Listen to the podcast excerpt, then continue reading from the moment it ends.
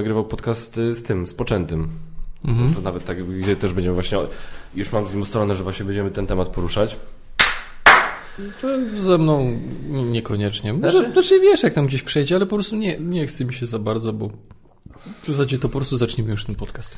No dobra, siemanko wszyscy, Geek Factor Podcast, witam was w kolejnym odcinku i dzisiaj razem ze mną jest, przedstaw się ładnie, A co to znaczy przedstaw się ładnie? czy inaczej niż zwykle. Aha. Dzień dobry, witam wszystkich widzów i słuchaczy bardzo serdecznie z tej strony Magot. Tak jest. Wystarczająco ładnie? Bardzo ładnie. Kiedy na podcaście byłeś ostatni raz na... Fuh. Znaczy teraz pytasz, kiedy nagrywaliśmy, czy Nie, kiedy, to, kiedy to opublikowałeś? Nagrywaliśmy, kiedy nagrywaliśmy. Liczę na to, że dostąpię takiego samego zaszczytu jak twoi ostatni goście i tuż po nagraniu zostanie to opublikowane. Żeby to jeszcze w jakikolwiek sposób było na czasie, a nie, że nasza topka filmów z 2021 będzie w grudniu 2022 opublikowana. No właśnie, może właśnie wypadałoby w ogóle zacząć, że ten podcast jest e, podcastem, gdzie po prostu prezentujemy nasze Ups, ulubione... Przepraszam, wysz, wyszłem przed szereg. Nie, nie, nie, spoko. E, Gdzie będziemy właśnie prezentować nasze ulubione filmy minionego roku. Tak jak przeważnie to robimy w postaci odcinka na kanale. Przeważnie, że też to robimy w, w trójkę z Basią, teraz ze względów logistycznych. Znaczy, tu, tu bym dodał, robiliśmy, bo mieliśmy przerwę. E, Tak, rok temu nie było to. Tak. No bo... To, Dziwny rok był. jeszcze powiedz, bo pandemia. No akurat siąść w trójkę w jednym miejscu, to byśmy No tak. bardzo byśmy tych różnych obostrzeń nie łamali. No tak wyszło. No. No więc właśnie, ale tutaj teraz byśmy mogli, jeśli chodzi o pandemię, inne rzeczy, moglibyśmy usiąść sobie na spokojnie w trójkę, ale logistycznie nie wyszło, więc z kolei z Basią nagram podcast, gdzie zaprezentujemy nasze ulubione seriale. E, więc, więc tak się jakoś tam e, podzieliliśmy. E, od razu uwaga, więc tak, dla planszówkowiczów, którzy mają w nosie wszelkie inne tematy, nie ten odcinek, no. No, nie, nie sądzę, żebyśmy o cokolwiek zahaczyli. Może gdzieś tam. no To znaczy, ale wiesz co? y, Chyba, że chcesz coś na początek się... Nie, to znaczy ja myślałem, że może myślałem, że może będziesz y, gdzieś y, będziesz ciekaw, co ja myślałem o Grand, Grand Prix i o waszym podcaście, bo wysłuchałem całego i O, okej. był, był dosyć ciekawy. Mm, Ale to może gdzieś tam się pojawi. Natomiast nie, no nie nastawiałbym się jakoś, jakoś bardzo. Może gdzieś mimochodem coś zostanie przemycone, ale raczej nie intencjonalnie. Dokładnie tak. E, Przejdźmy może przez nasze standardowe wstępniaki do topki filmowej. Czekaj chwila. Po pierwsze, to chyba jeszcze musi być jedno, jedna uwaga na samym początku, która czasami pojawia się w podcaście, szczególnie Okej. kiedy ja bywam, Czyli? czyli że może być niecenzuralny język. A, tak. Tak, tak, Znaczy- to jest podcast. Może być. No, no. E, Natomiast e, jeszcze chciałbym tak jedną rzecz ustalić na wstępie, żeby Dawaj. mieć pewność. Tak jest. W ramach naszego dzisiejszego spotkania, tego dzisiejszego nagrania, ty jesteś gospodarzem, a ja jestem gościem, tak? Wiesz, że ja się tak nie napinam, ale no powiedzmy, tak? Odkąd odszedłeś z Geek Factor, No rozumiem. to jak chociaż... Nie sumie- mów tego takim tonem, jakbyś mi tu robił jakiś wyrzut. Nie, absolutnie, bo w ogóle nie robię, nie, nie mam nic ci za złe. Nic, zupełnie. Nie, dlaczego pytam? Bo chodzi o to, że chciałbym po prostu wiedzieć, jakie są tutaj zasady. Chciałbym wiedzieć, czy jeśli poczynisz jakiś komentarz lub żart, który mi się nie spodoba, to mogę cię zliściować jak dziwkę, tak? Tak, Jeśli je- taki jest tutaj teraz podział ról. Znaczy nie, jeżeli powiem coś y, o twojej ukochanej, to wtedy możesz mi dać z liścia. Ale pod warunkiem, że to będzie bardzo łagodny żart. Znaczy, wiesz co, tak, ale ja bym, no właśnie, wydaje mi się, że to, co się wydarzyło na gali Oscarowej, było swego rodzaju precedensem i, i ja poszedłbym dalej z interpretacją tego, co zrobił Will Smith, że jeśli nie podoba mi się żart, To leje w mordę. to leję w mordę. Tak. Ale to, ale to ładne klaśnięcie by było, tak by fajnie było słychać. Te mikrofony tak doskonale zbierają. Taki klask soczysty. Oj, tak. Ale to jest najlepsze, on nie był gospodarzem. To też właśnie się pojawiło w, na jakichś tam komentarzach i tak dalej, że Chris Rock był gospodarzem Oscarów. To jest, to jest najlepsze. Gospodarzami byli Wanda Sykes, Regina Hall i Amy Schumer. I nikt o nich praktycznie nie mówi, nie? To, to, to, znaczy, w sumie nikt o niczym nie mówi. No nie. Znowu, wiesz, dru- drugi rok z rzędu wygrała za reżyserię Oscara kobieta. Nie mówi się o tym. E, e, Bo to wiesz, już jest, te tematy już są passé. Wygrał, wiesz, za najlepszy film wygrał film o, nazwijmy to właśnie, o osobach niepełnosprawnych, tak w jakimś tam stopniu. Więc, więc dużo takich rzeczy było fajnych, przełamanych. Dokument, w- zresztą właśnie kategoria, którą prezentował Chris Rock. Było naprawdę tak dużo rzeczy, o których można by fajnie, ciekawie porozmawiać. I jakby... No, nie. Znaczy, wiesz Na- co, na to po pierwsze bardzo mocno Ciebie słyszę, A, więc dobra. może to Może troszeczkę. tam. Wiesz co, mówi się o tym, e, niektóre komentarze, które gdzieś tam widziałem w internecie, mówiły, że to była ustawka. I Tak. ja się z tym zgadzam. Natomiast uważam, że to nie była ustawka między Chrisem Rockiem i Willem Smithem, tylko między Jadą a Willem. Bo przypomnijmy sobie, że parę lat wcześniej Jada zbojkotowała galę Oscarową, twierdząc, że jest za mało różnorodności, ale wszyscy twierdzą, że zbojkotowała tylko dlatego, że się obraziła na Akademię, że jej mąż Nie nie dostał nominacji za film Wstrząs. Swoją drogą całkiem ironiczne. Tak, swoją drogą. No więc teraz myślę, że bardzo zależało im na tym, żeby Will jakoś został zapamiętany po tej gali. No ale oczywiście nie mieli pewności, czy dostanie Oscara. Więc trzeba było zawczasu coś zrobić. No dlatego ona zrobiła tę minę. Nie no, żartuję oczywiście, no bo nikt nie mógł przewidzieć, że bo, ten, bo z tego co wiem, to ten żart Chrisa Rocka nie był w scenariuszu. On rzucił to tak totalnie spontanicznie, wymyślił ja, to na właśnie słyszę, ja właśnie z kolei słyszałem, że ktoś go napisał, że to nawet nie był żart te, teoretycznie No to widzisz. Chrisa Rocka, więc jest, jest masa różnych opinii. Mało tego, jest, im więcej się o tym czyta i, i, i się wczytuje i, i różnych tam komentarzy się człowiek nasłucha, tam się pojawiają jakieś kolejne plotki i kolejne. I to jest wszystko właśnie niepotwierdzone info, nie? Na zasadzie No właśnie kto właśnie, napisał no. ten żart. Druga rzecz, że podobno e, po tamtej, e, po jakiejś tam akcji Will Smith miał prywatną rozmowę z Chrisem Rockiem, gdzie go po prostu poprosił jak facet faceta, słuchaj, kumam, nic z tych, no hard feelings, ale odpuść sobie żarty z Jady, nie? Nie, że na Oscarach tych, tylko w ogóle. I podobno Chris Rock się zgodził, więc teraz jak to Aha. zrobił, to wiesz, prawda, prawda jest też trochę taka, że y, były, jak były te Oscary właśnie, gdzie Jada się obraziła i Chris Rock tam szydził, że Jada Pinkett bojkotująca Oscary to jak ja bojkotujący Majtki Riany, nie byłem zaproszony. Kumasz, i, i, i, i, to jakby od tamtej pory, i, to- i potem było takie nagrane, nagranie TMZ, gdzie oni znaleźli Willa Smitha na ulicy i go tam się pytali, biegali za nim z kamerą, hey Will, czy masz jakiś komentarz odnośnie żartów Chrisa Rocka z Jady, nie? I tak, a, a i, i Will miał takiego w- kurwa na twarzy, że ewidentnie nie było mu po drodze z tego typu żartami, nie? Dodaj, os- dodaj to, jak, wiel, jak wielką szyderę ludzie mają. Nie dość, że z małżeństwa Smithów, to ogólnie konkretnie z niego, tak? Gdzie oni mają długą rozmowę, gdzie ona się de facto przyznaje, że sobie tak na boku tak, no folgowała, jak wiadomo. E, a on to dzielnie i po męsku, że no, nie spokojnie, mamy otwarte małżeństwo, otwarte małżeństwo, otwarte małżeństwo, nie? I tak, no, Bullshit. no właśnie, nie? Ja, ja, ja rzadko, nie wiem, może ja za mało wiem o życiu, ale jak najczęściej z tego, co mi się No to- to wydaje, też. to, tak, ale Coś to w tym jest. otwarte małżeństwa przeważnie są jednostronne. Są, jest, o, tak, te drzwi otwierają się w jedną stronę. Dokładnie. I, i, I tutaj chyba widać było, gdzie się otwierały, nie? I po prostu, i na, na przykład na Bafcie, która była niedawno, y, gdzie Will dostał nagrodę za właśnie King Richard i nie było go tam i Rebel Wilson to prowadziła i powiedziała, że gratulacje tam dla Willa Smitha, aczkolwiek moim zdaniem najlepszą rolę Will Smith y, trzasnął w zeszłym roku, jak udawał, że mu nie przeszkadzają chłopacy Jady.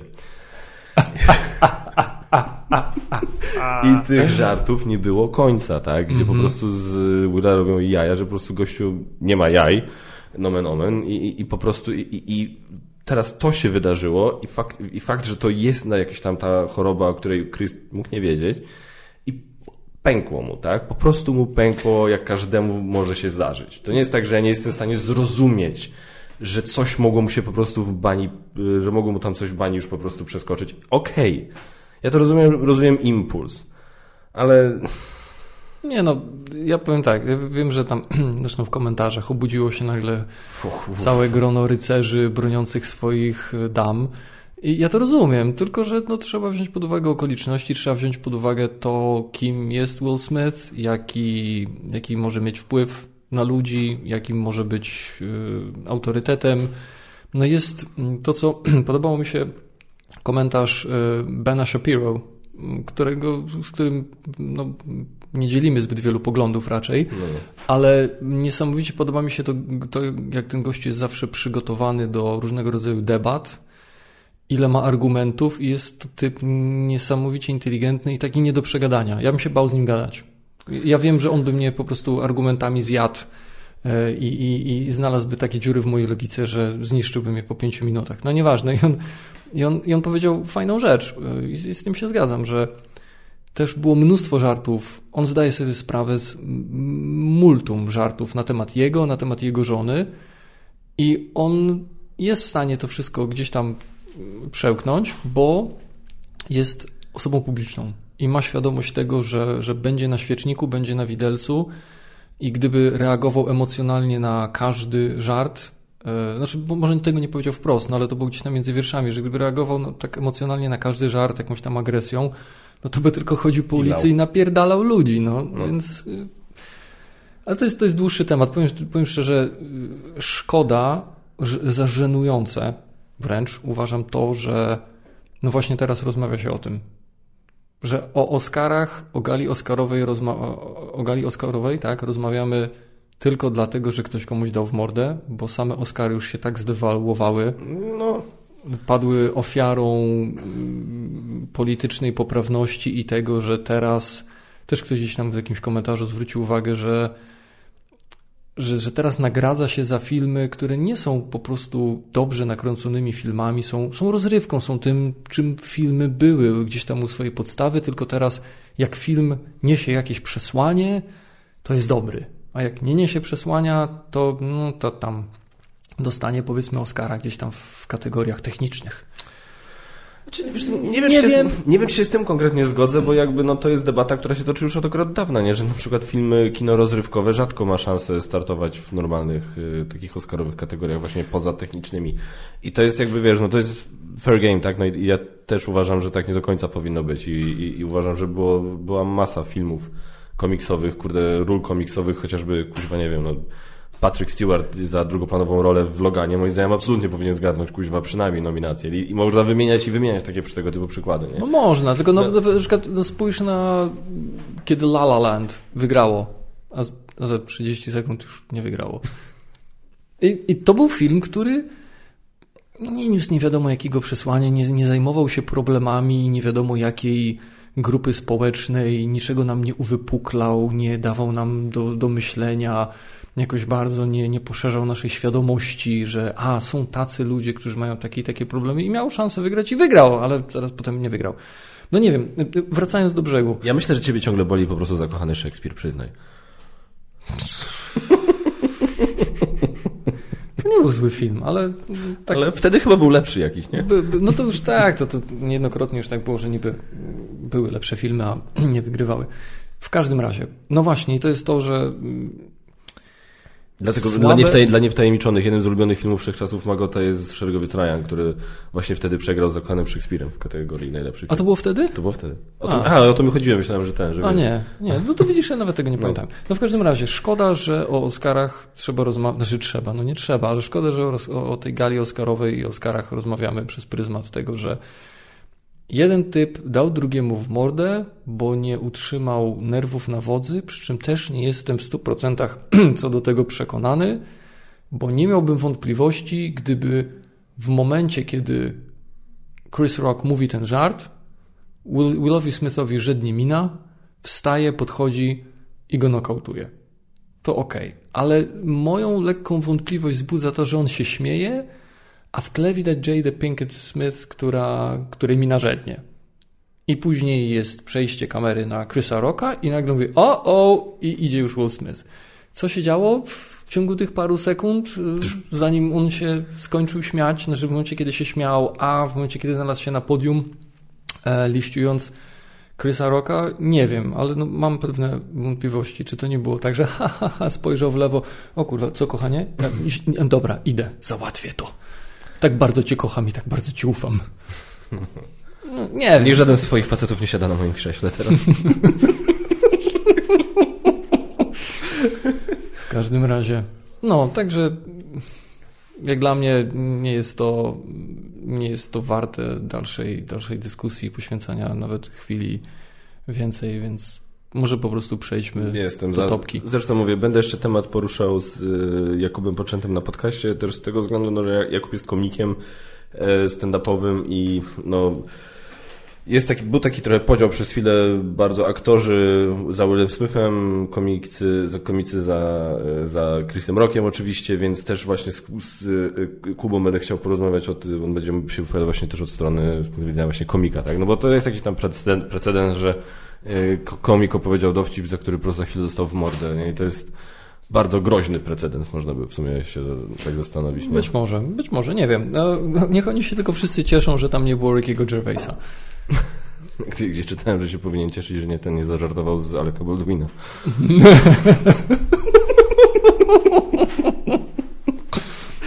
Dobra, e, o, ależ teraz Jezu, poczekaj, muszę to, teraz, teraz o. To jest ten problem właśnie. To dlatego na podcastach powinien być taki inżynier, który, że tak powiem, kontroluje to przez cały czas, to jest jego zadanie. E, no. Dobra, to zrób, rób tego wstępniaka dotyczącego topki. Tak, czyli y, po pierwsze, to filmy, najlepsze filmy 2021, co przez to rozumiemy? Rozumiemy to przez to filmy, które w roku 2021 miały premierę y, w swoim ojczystym państwie, tudzież na swoje, już teraz myślę, trzeba to dodawać, ojczystej platformie streamingowej. Dokładnie tak, dokładnie tak. I ja tutaj dodam, że jak kiedyś patrzyłem na te wszystkie festiwale, gdzie, gdzie na którym festiwalu pierwszym to się pojawiło, ale czasami bywało tak, że to nie wiem, pojawiło się gdzieś tam w Wenecji, a potem dopiero w przyszłym roku trafiło do kin, na streamingi, więc też u mnie takim kryterium było to, że to musiało trafić do już masowej tak. Dystrybucji, jaka by ona nie była. I to, to traktuję jako, jako premierę. Niekoniecznie u nas w Polsce, tak jak mówisz, ale ale nie gdzieś jakieś tam pierwsze Wenecja, Cannes, Toronto, tak, Sundance, bo to później jeszcze długo, długo, długo może nic się nie dzieje z tym filmem Dokładnie. i wtedy tak nie wiadomo, no ja go widziałem półtora roku później, a on niby jest z tamtego i teraz nagle zniknie, tak? No, nie byłem w stanie go obejrzeć, on był rok wcześniej, w następnym roku robię podsumowanie tamtego roku i nagle o tamtym filmie powiedzieć nie mogę. Więc, więc mówię tutaj no, o, o możliwości o dostępie dla szerszego, dla szerokiego po prostu grona odbiorców. Jasne. E, kolejna rzecz, nie widzieliśmy wszystkich filmów. Nie, to nie e, widziałeś? nie widziałem, ale żeby było, Amator. żeby było, kurde, czy ja sobie to, przepraszam, bo sobie e, filtr wywaliłem, muszę sobie znowu pofiltrować. Papierosa? Żeby było, nie, sobie mam listę w Excelu, teraz wiesz, wszystko się tutaj zgadza. Na rok 2021 miałem gdzieś tam, jak wychodziły filmy do, kin, do kina, to czy tam w ogóle gdziekolwiek, to taka lista filmów, które chciałem sobie zobaczyć w tym roku, 67. I uwaga, teraz, które mi się obejrza, które mi się uda, udało, udało mi się z tego obejrzeć, z tych 67, którymi byłem zainteresowany. To jest podejrzewam najbardziej fascynująca część jakiegokolwiek podcastu, jak facet czyta Excela. 42. Mhm. Więc nie ma tragedii. Hmm. Niewiele mniej niż film tygodniowo, co biorąc pod uwagę, ile mam roboty i że jestem ojcem trójki dzieci i tak dalej, to moim zdaniem jest wcale najgorsze. Przestań ciągle o tym mówić. Już Muszę. wszyscy wiedzą, że jesteś ojcem trójki dzieci ale nie, nie wszyscy, psa. Nie, nie, wiedzą, a tego to już nie, tego nie chciałem mówić, ale dziękuję. Nie, nie, nie wszyscy wiedzą, jak mi jest ciężko z tego powodu. Och, tak. Och. Ciężar życia. Współczujcie mi teraz, lejcie łzy, kurwa za kaczmara. Lejcie łzy za kaczmara. I więc tak. Chuj tam solidarność z Ukrainą, solidarność z Kaczmarem, bo ma tak ciężko. Ale, ale właśnie przy okazji trzeba podziękować w sumie Ulowi Smithowi i Chrisowi Rockowi, że zakończyli wojnę na Ukrainie. Chyba się skończyła i nic nie słyszałem już od jakiegoś czasu. Powiem ci, że to jest żart, który mnie nie bawi, więc uważaj, żebym cię kurwa nie sięgnął przez ten stół. Dobra, yy, więc tak, czy coś jeszcze do tego? No to jest Jak bardzo nie bawi mnie twój żart, to niech mówi moja koszulka.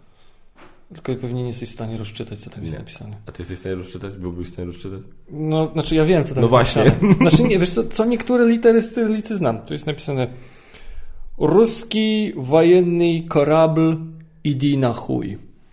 To jest to, co tam chłopaki z Wyspy Aha, Węży okay. powiedzieli rosyjskiemu okrętowi, żeby się pierdolił. Bardzo mi się podoba. A czytałeś, że ten e, wrócił z niewoli, autor tych, ten konkretny Tak, gość, tak, tak, czytałem, czytałem. No. E, swoją drogą polecam sklep Other Teas.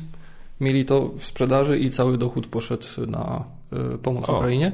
Przy czym to jest tak, że oni mają te takie akcje, że rzucają jakiś tam wzór koszulki i wtedy można go tam kupować. To jest taka powiedzmy przedsprzedaż, coś w tym stylu, która trwa ileś tam. To jest, to jest limitowany czas dostępności. No i tylko w tym czasie można ją kupić. Ale akurat na tę koszulkę, na ten wzór były dwa terminy. Na pierwszy się nie zapałapałem, bo coś tam zapomniałem. Ale potem, ponieważ był taki wielki popyt, to rzucili drugi rzut e, i wtedy oboje sobie kupiliśmy noszę z domu, i na chuj. Bardzo. Ale co ciekawe, w ogóle to, to jest niesamowite. Któregoś razu e, zamawiałem jedzenie z, z jednej knajpy tutaj gdańskiej i mają bardzo dobry barszcz ukraiński. Naprawdę jest, jest pyszny. No i wziąłem dwa barszcze ukraińskie. Nie było to absolutnie związane z wojną w Ukrainie, po prostu mają dobrą zupę. Więc zamówiłem to i coś tam jeszcze. No i na paragonie barszcz ukraiński, pozycja barszcz ukraiński była F, dwie gwiazdki, K, Putin. Czyli zamiast barszcz ukraiński było fuck Putin dwa razy. Z kolei w, w pubie Morze Piwa w Gdyni, pozdrawiam tą całą ekipę, zresztą bardzo polecam e, lokal, mają super piwo, fajna, fajny klimat, mm, to tam mieli przez dosłownie jeden dzień i to też z tego co wiem, to bo tam rozmawiałem z, z chłopakiem, który pracuje, to rozeszło się jak ciepłe bułeczki, mieli e, piwo Putin chuj. Mm, zniknęło raz, dwa. Nie załapałem się. Ba bardzo mi się podobają takie akcje. E, tak, mi też. To oczywiście to, to nie pomoże realnie e, ofiarom nikomu, ale no ale jest jakimś takim dowodem na to, że, że, że, że gdzieś ludzie no, chociaż sercami są za tym i myślę, że w jakimś stopniu może gdzieś jest to, jest to ważne dla, dla Ukraińców, a jest to, jest to w jakiś sposób no, takie, takie heartwarming, nie wiem, przepraszam, jak to powiedzieć po polsku, że... No, pokrzepiające. No, takie pokrzepiające, że, że masz w kurwa na, tego, na, tego, na tę jedną mędę, która gdzieś tam to wszystko e, rozpętała. Aczkolwiek to jest, to jest grubszy temat, nie chcę w to wchodzić oczywiście. I widzisz coś takiego i tak czujesz się trochę lepiej, że no tak, no i ktoś, i ktoś inny też jeszcze źle mu życzy, no. Nie, nie, to, to jest absolutnie. Ja uważam, że to jest bardzo ważne, że takie gesty, nawet skromne gesty solidarności są bardzo potrzebne i wiem, ze źródła wiemy, to dużo osób się wypowiadało z Ukrainy, że jak widzą tego typu akcje, to, to, to im to pomaga, tak? A umówmy się, no ducha walki teraz potrzebują. Więc... Swoją, swoją drogą, dzisiaj stojąc na, na peronie SKM Gdynia Redłowo, zdałem sobie sprawę z tego, że totalnie niezamierzenie nasze SKM-ki też stały się dowodem solidarności z Ukrainą, bo A, one są niebiesko-żółte. A faktycznie. To tak, wiesz, tak stoję sobie, jedzie, akurat jechałem z Gdyni do, do Wrzeszcza, akurat wjeżdżała kolejka w drugą stronę, w stronę Wejherowa i tak patrzę sobie, o, przemalowali, nie no jak przemalowali, one zawsze takie były, no ale tak. jaja. O Boże. No dobra. dobra. Czy ty masz jakieś uwagi wstępne na zasadzie... Honorowe, wzmianki? A, ale honorowe wzmianki to są na zasadzie miejsce 13, 12, 11? Nie, okay, nie, nie, nie, nie, nie. Mam, mam, mam honorowe i mam jedną niehonorową. Dobra, to lecimy, słuchajcie, już oficjalnie z listą zacznij tak. tego. Dawaj. Dobra, to zacznę szybko od niehonorowej yy, i z przykrością to stwierdzam, ale najgorszym filmem, to jest taka bardzo niehonorowa wzmianka, filmem najgorszym zeszłego roku i takim, który był największym rozczarowaniem, czytaj y, największy rozjazd między oczekiwaniami a efektem końcowym, przy czym oczekiwania nie były wysokie. Niestety, ponieważ y, mimo iż nie kręciliśmy topki najbardziej oczekiwanych filmów 2021 roku, nie złożyło się, tutaj właśnie chyba w dużej mierze przez pandemię, y, był Matrix zmartwychwstania. Tak. I... Przyklaskuję ci w sumie. No kurwa. Ja nie wiem, to jest. Ten film bije się o, o, o, pierwsze miejsce, uważam. Na razie, de facto, na razie nie przychodzi mi do głowy żaden inny film, który byłby tak niepotrzebnym sequelem, jak właśnie Matrix Zmartwychwstania. Ja absolutnie się zgadzam. Y, Oglądałem ten film i myśl, która kołatała mi się w głowie co chwilę, co scenę było po co? Po co? po co? Ten film nie ma absolutnie żadnego sensu, on nic nie wnosi, nic nie daje, nie rozwija tej historii w żaden logiczny, składny sposób. Próbuje grać na sentymentach, na sentymencie, gdzieś na, na emocjach, na uwielbieniu dla pierwszych trzech filmów, ale robi to fatalnie. I to takie ten meta humor, że a, no musimy mm, zrobić kolejną część gry, bo Warner Brothers nas męczy. Nie mogę się oprzeć wrażeniu, że faktycznymi intencjami, które stały za nakręceniem tego filmu było, że studio mówi dobra, słuchajcie, kurwa, bo ludzie zaczynają zapominać o Matrixie, to trzeba nakręcić kolejną część, niech ktoś to zrobi, no i wtedy Lana Wachowski, dobra, kurwa, to już ja to zrobię, tak? Ja się za to wezmę. Ale żeby przypadkiem nikt nie powiedział, że robimy to dla kasy, to u, uprzedźmy ich i wrzućmy do filmu trochę takiego metahumoru, że Matrix jest zrobiony dla kasy i to będzie takie zabawne i nie było i nie wiem po co tam jest Morfeusz w tym filmie, nie wiem po co tam jest agent Smith, to jest trochę na zasadzie, no tak, bo jak jest Neo, to musi być agent Smith, bo jak jest Ying, to musi być Yang, chojo mojo, tak? Swoją drogą to jest ewidentnie to samo sobie pomyśleli Lawrence Fishburne i Hugo Weaving. Na, chyba tak. I, i, I nawet takie drobne smaczki, które chyba próbowali przemycić, jak to, że nagle pojawia się Merowing z jakąś tam ekipą programów wygnanych. Myślałem, ej, fajnie, ten gościu był spoko, był taki, taki dziwny, taki, taki wykręcony, mm, taki niepasujący do tego wszystkiego e, program z wysublimowanym smakiem do poezji i francuskiego. I on się teraz pojawia, może być zabawnie. I potem zaczyna się taka totalnie generyczna, chaotyczna walka wręcz i on tam siedzi jak jakiś taki obłąkany staruch, wykrzykuje jakieś hasło, potem ucieka. Nie no kurwa, nawet to spieprzyli. No, no, no. nie, no ten film po prostu nic, nie, fatalne.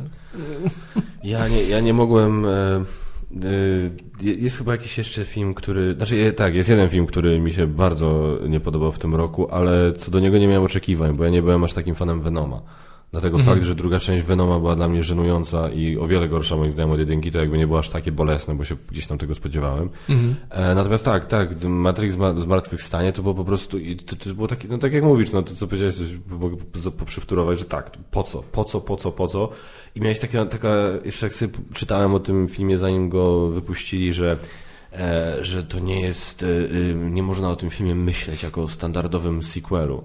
I tak go oglądam i tak gdzieś w połowie filmu stwierdzam, Główno prawda, to jest najbardziej z typowych sequeli, jakich może być, gdzie mhm. dostajesz dokładną informację wręcz ile lat się dzieje tak. po, po, po poprzedniej części, tak? Po wydarzeniach poprzedniej części.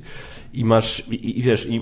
Może oni po prostu nie chcieli, żebyś myślał o tym filmie. Już wiedzieli, że będzie chujowy, więc nie myśl o nim. Więc nie myśl o nim jako standardowym sequelu, tak. czytaj w ogóle o nim nie myśl. W ogóle o nim nie myśl. Nie? I, I, wiesz, i, i nawet i były te trailery, gdzie w trailerach było takie, w którymś momencie takie, takie, taki, jakiś taki nacisk na, na, na, na Trinity i było to zdanie, które nie omówi w trailerze, że, że she always believed in me, now it's my turn to believe in her. Ja tak myślałem, o, może w tym filmie będzie coś więcej o Trinity, jakiś taki właśnie będzie pod, czy, pod jej dyktando. Czy my, przepraszam tylko, że wejdę Ci w słowo, czy my dzisiaj tam ostrzegamy przed takimi spoilerami, czy nie? Yy, może. Może. Znaczy, ja powiem tak, ja będę się, sta- jeśli chodzi o najlepsze filmy, to naprawdę będę się starał nie spoilować. Natomiast wobec tego filmu nie mam żadnych skrupułów. Ja też nie, ale, ale znaczy nawet, nawet tutaj nie, nie chodzi mi o spoilowanie, tylko po prostu tyle, że no, uważam, że Trinity było tam de facto bardzo mało. I, i, inaczej, inaczej, mało. Było, była może w tym filmie, ale... Było ale, mało Trinity. Było mało Trinity. Tiffany. No właśnie. I, i, to, I to było... A już ten patent, że Keanu Reeves, że Neo się nie bije, tylko odpycha mocą, jakby był kuźwa Jedi... Jest, no bo co? wiesz, no Gwiezdne Wojny się dobrze sprzedają, to stwierdzili, może coś zapożyczymy. Ale ja nie wiem, czy on oszczędza, bo już jednak no, jest po 50 facet, nie wiem, czy on oszczędza kończyny i, i Na, na kolejną część na John Johna Wicka, tak. Słuchajcie, ja mam zaplanowane jeszcze sześć części Johna Wicka, więc ja się tutaj przemęczać nie będę, więc wymyślcie mi coś, żeby nie musiał się z nikim bić. Dobrze, będziesz odpychał ich siłą swoich rąk. Swoich no zmęczonych y, biciem kaskaderów rąk. Jest po prostu, nie, nie, no, no, no, no mm. nic dobrego o tym filmie w sumie powiedzieć za bardzo, za bardzo nie mogę. Nawet Neil Patrick Harris był dla mnie, e, jeżeli ktoś oglądał How I Met Your Mother i kojarzy takie motywy, gdzie tam Barney Stinson w tym serialu miał takie, jakieś takie odcinki, gdzie niby na, na jaw pod koniec odcinka wychodził jakiś jego evil plan, który on tam miał i taki i monologował na temat tego, co on chciał osiągnąć w tym odcinku, to, to praktycznie był on w tym filmie. Więc no, Tu się nie wypowiem, Bo nie oglądasz no. Nie oglądałem How I Met Your Mother. no to dawaj tam te inne honorable mentions, bo dishonorable mentions Honorable.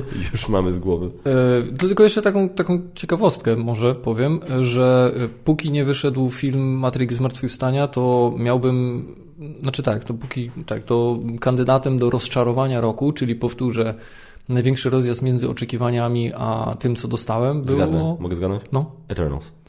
Nie, właśnie nie. A, okej. Wesele Smarzowskiego. Ja nie widziałem tego w końcu.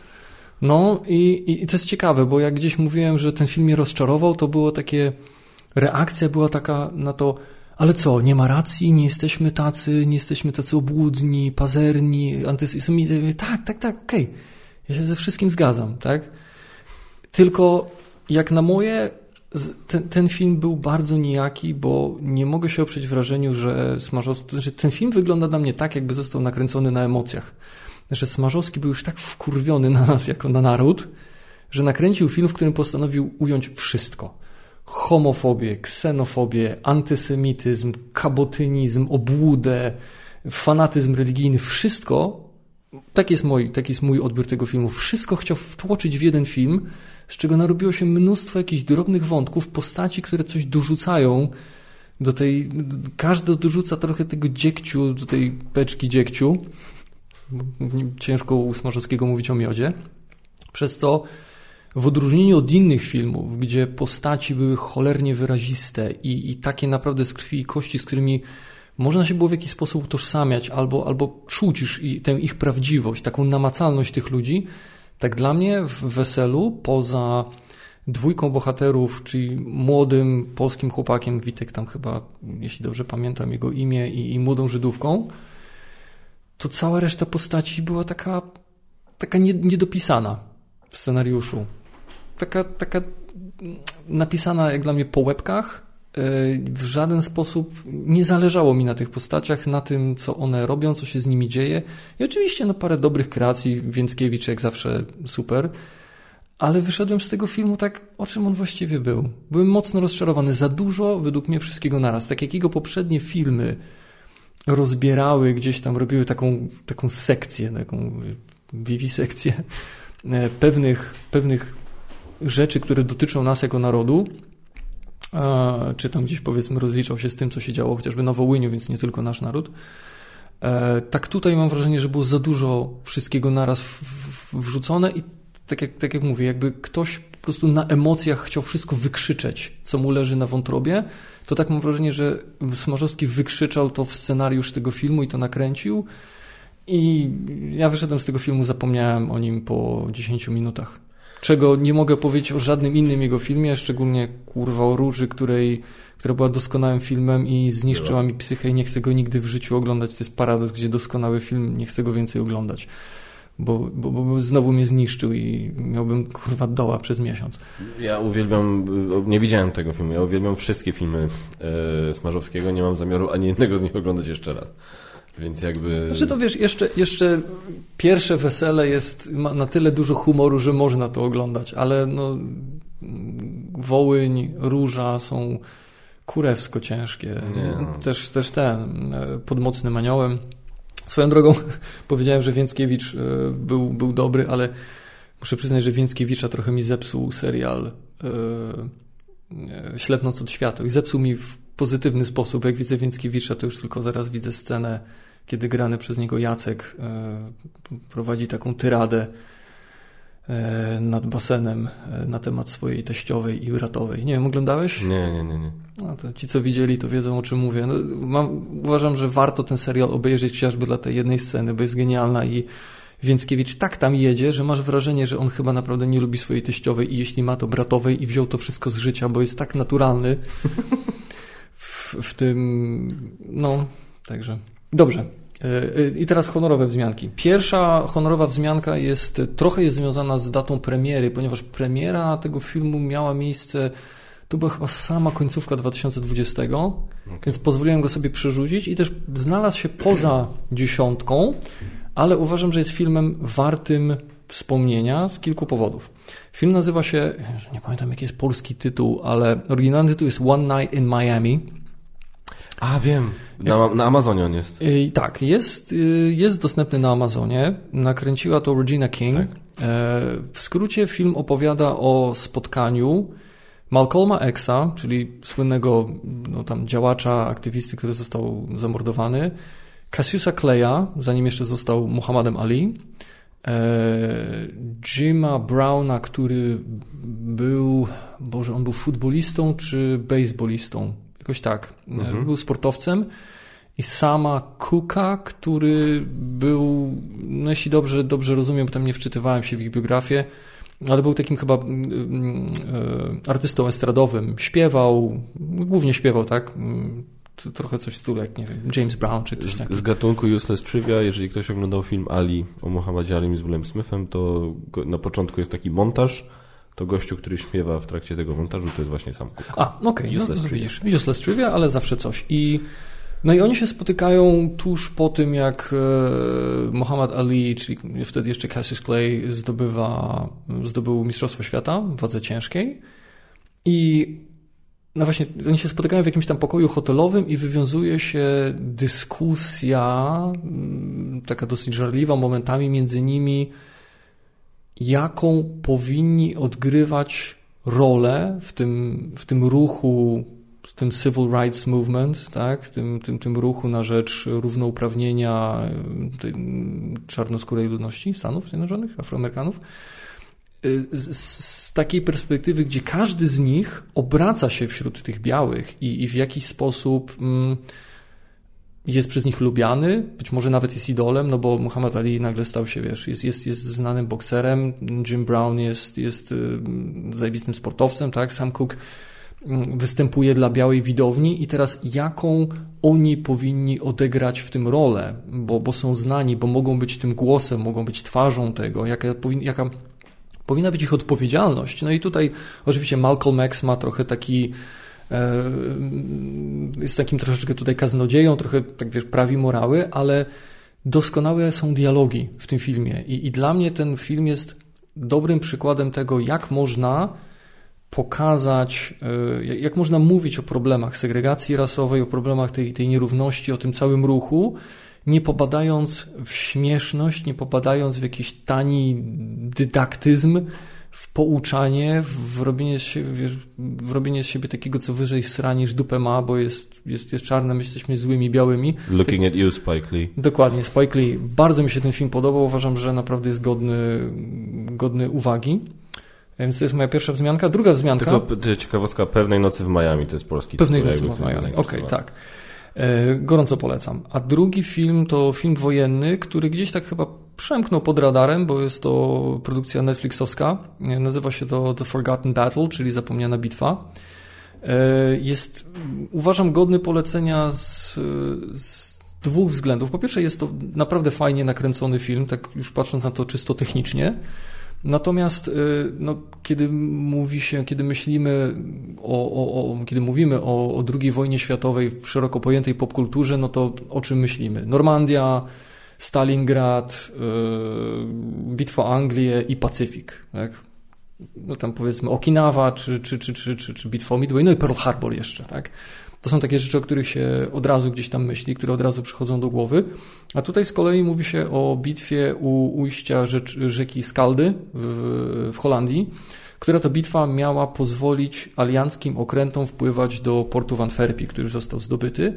I jest to, jest to film, w którym splatają się historie trzech osób. Jest młody brytyjski żołnierz, pilot, który jest e, pilotem szybowców desantowych i jego no i trafia właśnie tam do, do Holandii. E, młodego holenderskiego chłopaka, który jest żołnierzem niemieckiej armii, bo zaciągnął się na ochotnika do niemieckiej armii i zostaje z frontu wschodniego już podczas no, już kontrofensywy sowieckiej na zachód, zostaje ściągnięty z powrotem do Holandii, gdzieś tam za biurko, żeby odsłużyć swoje. I młodej dziewczyny, Holenderki, która no, chcąc nie chcąc zostaje wplątana gdzieś w, w działania holenderskiego ruchu oporu, który chce pomóc aliantom wygrać tę bitwę i właśnie dostać się do, znaczy zdobyć ten, ten e, dostęp do, do portu w Antwerpii, no i też poniekąd wy, wywalić nazistów z Holandii, tak? ciekawie, ciekawie splecione te historie. Naprawdę fajny film. Polecam. No. Nie, nie jest to w ogóle produkcja y, ten, y, to jest produkcja Belgia, Holandia, Litwa, jakby ktoś był zainteresowany. No. I, I to, co jest też godne, go, warto zwrócić na to uwagę, to to, że nikt nie próbował na przykład w roli Niemca obsadzać Anglika, w roli Holendra Polaka, czy innych takich rzeczy. Tu piję między innymi do jednego, bo powstały dwa filmy o bitwie o Anglię gdzie w jednym pośród samych Polaków, no to Jana Zumbacha gra, no ten ziomek, co grał no, tam w tym, w, w grze o tron. I podkładają, on coś tam rusza gębą, ale podkładają mu e, ten e, dubbing jest polski, nie? bo to jest produkcja polsko-brytyjska, no więc najważniejszą postać tego asa polskiego lotnictwa gra Brytol i coś tam rusza ustami, a podkładają głos e, polski. Nie wytrzymałem dłużej niż 10 minut z tym filmem. Tragedia. Nie? No, więc tutaj Holendrów grają Holendrzy, Niemców grają Niemcy, Brytyjczyków grają Brytyjczycy i mało znani aktorzy. Najbardziej znaną twarzą to jest ten aktor, nie pamiętam nazwiska, który grał Draco Malfoya w Harry Tom Potterze. Felton. Tak, no to on tam jest najbardziej znaną twarzą. Okej. Okay. Także tak, to są moje honorowe wzmianki. Możemy przejść już do dziesiątki. Dobra, to pozwól, że ja zacznę. tak. Słuchaj, dawno mnie tu nie było, mam prawo się wygadać. Absolutnie, absolutnie tak. E, więc tak, e, u mnie na miejscu dziesiątym, mam ją spisaną na komputerze, ale jest też kartka papieru, żeby nie było. Zawsze jak ja mam to. Aż mnie korci, żeby tam zerknąć. E, ale nie, nie, tutaj nie, tu nie, nie ma topki, tylko mówię, że jest kartka papieru ogólnie, bo zawsze mówią, że nie, no, widzowie, ktoś mi napisał kiedyś, że nie może być topki, jeżeli, o ile, jeżeli kaczmar nie ma podartej kartki papieru, nie? bo zawsze pozycję mam na kartce papieru, więc teraz mam kartkę papieru, żeby była, ale lista jest gdzie indziej. Nieważne. Tak. Anyway, Miejsce dziesiąte. Znowu, znowu bardzo cię głośno słyszę. Tak, bo teraz huknąłem. Ale bo ty chyba sobie coraz bardziej przysuwasz ten mikrofon do ust, mam wrażenie. Ja trochę tak, trochę się nie bawię. Lubisz, sobie, się... lubisz sobie przysuwać tego typu kształty do ust. Tak, zawsze. Mhm, wiem. Słuchajcie. Dlatego odszedłem. U mnie na miejscu dziesiątym ee, lekki cheat i powiem tak. Gdybym miał patrzeć tylko w kategorii jak dobrze się bawiłem na danym filmie i jakie emocje we mnie dany film wzbudził, to ten film byłby wyżej na liście. Ale ktoś zawsze może, ale ktoś mógłby na ten film spojrzeć i powiedzieć mi, no, ale to jest tak naprawdę wersja reżyserska. U mnie na miejscu dziesiątym jest Liga Sprawiedliwości Zaka Snydera. I mhm. tłumaczę sobie, że ten film wbiłem na listę, że to właśnie dla mnie nie jest tylko wersja reżyserska. To jest zupełnie inny film od tego, co wyszło w kinach wcześniej. E, to jest e, tam, patrząc nawet na czas, to tam dodano tyle materiału, że można by z tego zrobić zupełnie osobny film. Można by zrobić całą serię. Dokładnie.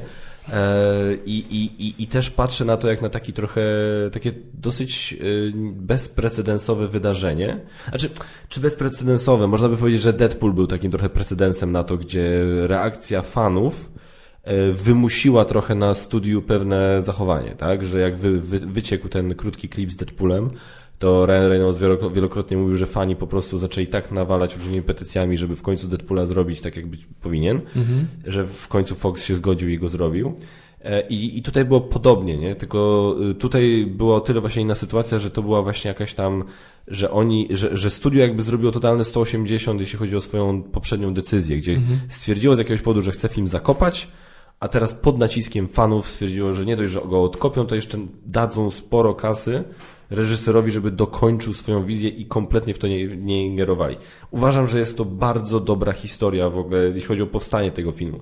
Dodaj do tego wątek y, córki y, Zaka Snydera i, i, i że ten, ten film to też jest jakiś tam hołd dla niej i y, i naprawdę, i, i cała ta historia, i to jak zobaczyłem swoich ulubionych bohaterów z dzieciństwa, w sposób, który faktycznie e, im też oddawał szacunek.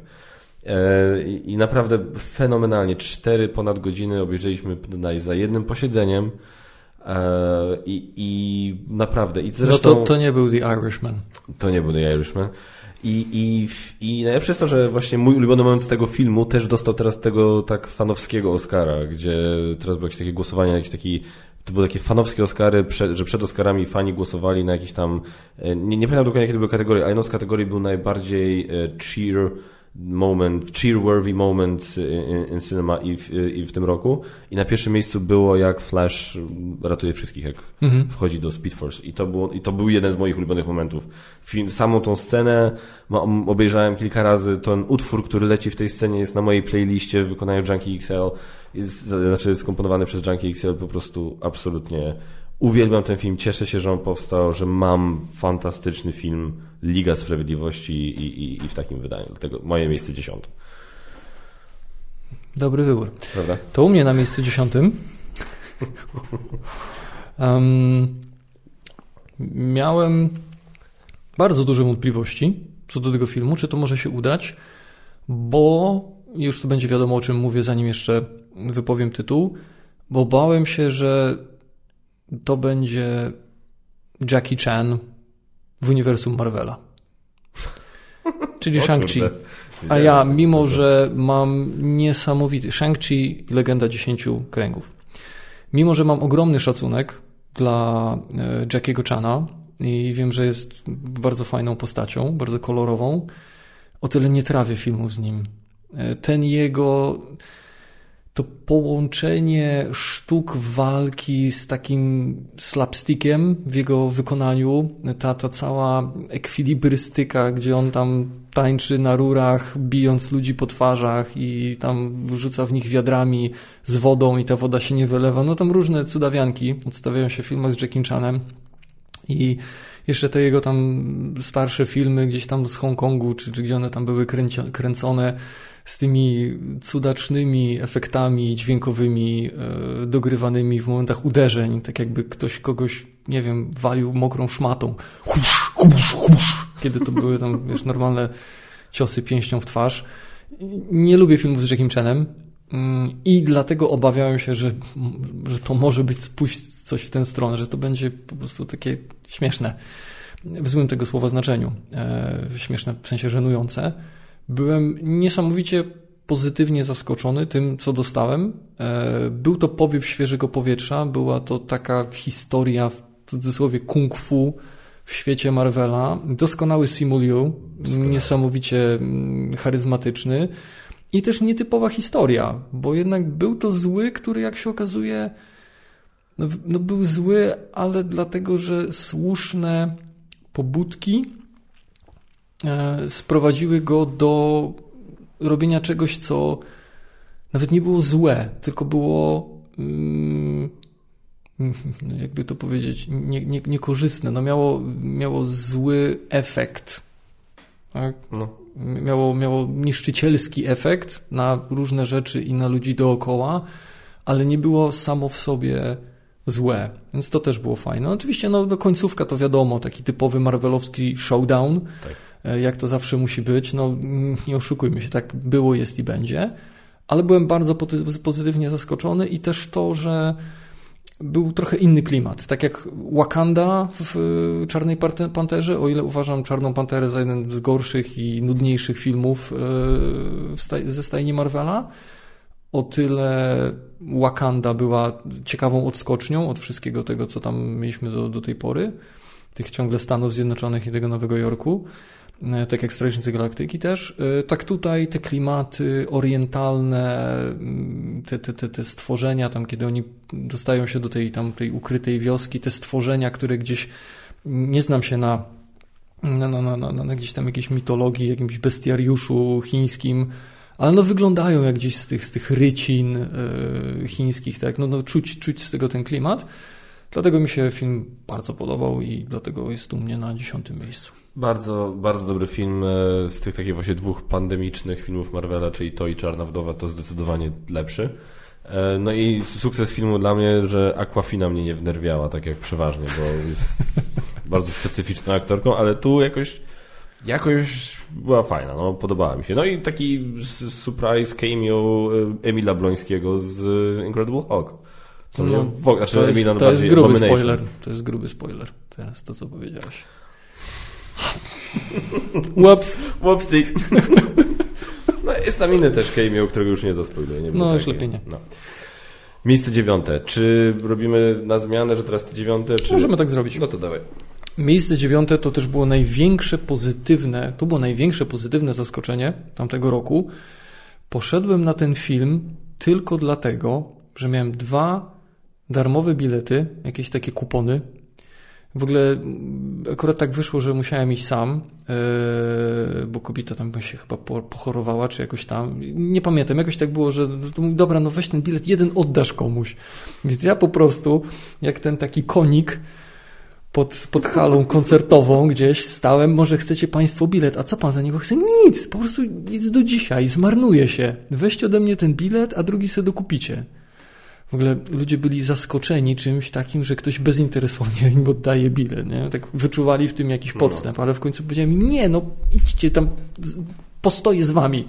Dają im ten bilet, tak, tak, tak, jest legitny. Dobra, dziękujemy, super fajnie. Więc miałem bilet za friko. Ostatni dzień był ważny. Na coś trzeba iść, żeby się nie zmarnowało. No i poszedłem na film Free Guy. Kurwa, jakie to było dobre. Prawda? I to nie jest film dla każdego. E, można pójść i się na nim dobrze bawić, ale jeśli się w życiu chociaż trochę jarało popkulturą, a szczególnie grało się w gry różnego rodzaju, mm, to ten film przemówi do, do takiej widowni jeszcze bardziej. Tam jest dużo takich smaczków, jak gościu stoi, nie wiem ile mogę powiedzieć, no to już chyba widać, wiadomo z trailera, że tam jest jakiś świat wykreowany, A, wyimaginowany. No tak, tak? No to, to tak. I gościu, który jest zdaje się graczem, w sensie bohaterem, takim awatarem gracza stoi przed ścianą i skacze w stronę tej ściany nie? i coś tam próbuje zrobić. No to patrz sobie na to, no kurwa, jak ile razy się takie rzeczy widziało w grach, nie? że jakieś bugi. robiło takie rzeczy. Albo się robiło, bo się próbowało gdzieś przeskoczyć, coś się nie dało i próbować skombinować, a może tu, a może jak wejdę na ten śmietnik, to doskoczę do tak, tego okna, tak. tak? Więc pod tym względem film był genialny. Oczywiście Ryan Reynolds gra siebie, bo Ryan Reynolds już chyba tylko umie grać siebie. E, ale film był niesamowicie pozytywnym. Po raz kolejny używam chyba słowa niesamowicie. Był bardzo dużym zaskoczeniem, bardzo pozytywnym, doskonale się bawiłem. E, I, I właśnie to, że kiedyś ja nie jestem jakimś tam zawodowym gamerem, ale no grało się w życiu trochę i było tam mnóstwo rzeczy, które właśnie gdzieś przemawiały do tego, do, do, tej, do, tej, do tego sentymentu takiego gamerskiego. Super film. Naprawdę. Zgadzam się w 100%. Jest, yy, byłem zaskoczony, bo w ogóle Sean Levy jest takim reżyserem, który jakieś tam rzeczy z nim wyreżyserowane przez niego widziałem, ale nigdy niczego nie zwrócił, nie, nie powalił mnie na kolana.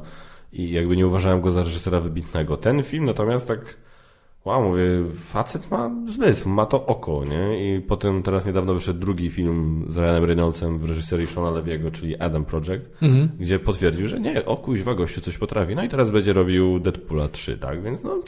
no ten, ten Adam Project Dobry to jest, bo jakiegoś bardzo fajne. Odpychało nie, mnie trochę od tego filmu. Nie jakieś rewelacyjne, ale takie bardzo, y, bardzo sympatyczne i pozytywne odniesienie do takich filmów y, z lat 90., y, wiesz, takie familijne sci-fi z przesłaniem, i, i, i, ale naprawdę bardzo dobrze się wyglądało. Ryan Reynolds gra nieco bardziej wkurwioną wersję siebie, ale ciągle to jest Ryan Reynolds, mhm. ale jest Zoe Saldana, jest, jest Mark Ruffalo, dzieciak, który gra młodą wersję, a Ryan Reynolds jest po prostu zarąbisty, więc... A ty widziałeś, że ten dzieciak umie Deadpoola na pamięć? Tak, widziałeś te filmiki? jest doskonały. No nie, no więc absolutnie, absolutnie rozumiem wybór Frigaya. U mnie na miejscu dziewiątym jest yy, nie jedyny sequel, w sumie dużo sequeli, chyba na to no nieważne. Jest, jest pierwszy... Nie, nie jedyny sequel, chciałem powiedzieć jedyny nie sequel. Nie, to jest nie jedyny. Najpierw chciałem powiedzieć, że jedyny sequel, ale potem patrzę, nie, dobra, to nie jest jedyny sequel, teraz patrzę, że tych sequeli mam trochę na liście. Aha, okay. e, natomiast e, bardzo się obawiałem tego, jest jak ja się obawiałem tego sequelu, bo pierwszy film był doskonały. Oprócz zupełnie ostatniej sekundy filmu, e, pierwsza część była doskonała. I druga część, A Quiet Place, mogła się nie udać. A wyszedłem zachwycony i, i po prostu uważam, że jest to najlepszy, jest to autentycznie najlepszy sequel, jakiego jaki widziałem chyba od, od, od dawna, bo to jest film, który idealnie, nie mówiąc, że miał genialne w ogóle przejście, bo film się zaczyna jakby troszkę sprzed inwazji. Znaczy jakby, czy, Znaczy, czy sprzed inwazji? Znaczy sprzed inwazji, tak chwilę przed. I jest taka, jest genialne przejście na to, jak się, jak przechodzi na wydarzenia tuż po końcówce pierwszego filmu. Fantastycznie się to ogląda. Emily Blunt jest po prostu doskonała. Cillian Murphy wypełnił lukę po... Killian. Killian, przepraszam, Mur- Murphy wypełnił lukę po Krasińskim doskonale. E, Żeby tak w prawdziwym życiu nie wypełnił przypadkiem. E, Bo ja i Emily też wzorem Smithów mamy teraz otwarte małżeństwo. e, trzymał w napięciu, e, pomimo tego, że właśnie już był trochę obdarty z tej takiej aury tajemnicy, którą Mhm. jednak w dużej mierze miał, miała, miała pierwsza część, Mhm.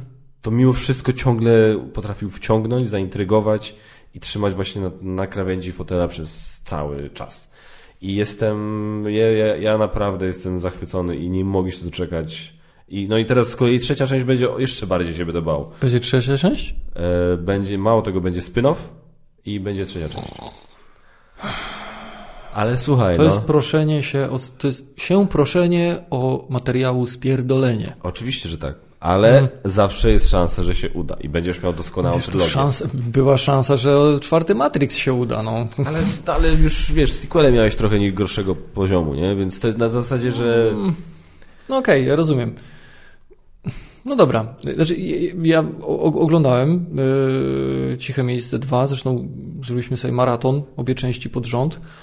Mm, Podobał mi się, tak, ale nie aż tak bardzo. I mm, taka mi się pojawiła w głowie analogia do obcego, że pierwsze Ciche Miejsce jest jak pierwszy obcy, czyli horror, mrok, suspens, tak jak mówisz, y, ta aura tajemniczości.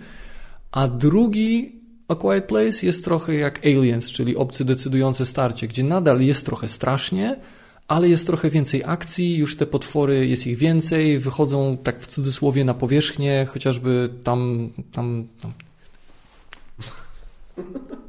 Teraz dla tych, co tylko słuchają, myślą, że jest chwila ciszy, dla tych, co oglądają, to widzą, że ja tu tak bezdźwięcznie Tak, tak. Tak, no więc właśnie. E, Więc okej, doskonałe kreacje. Killian Murphy był super. e, Emily Blunt.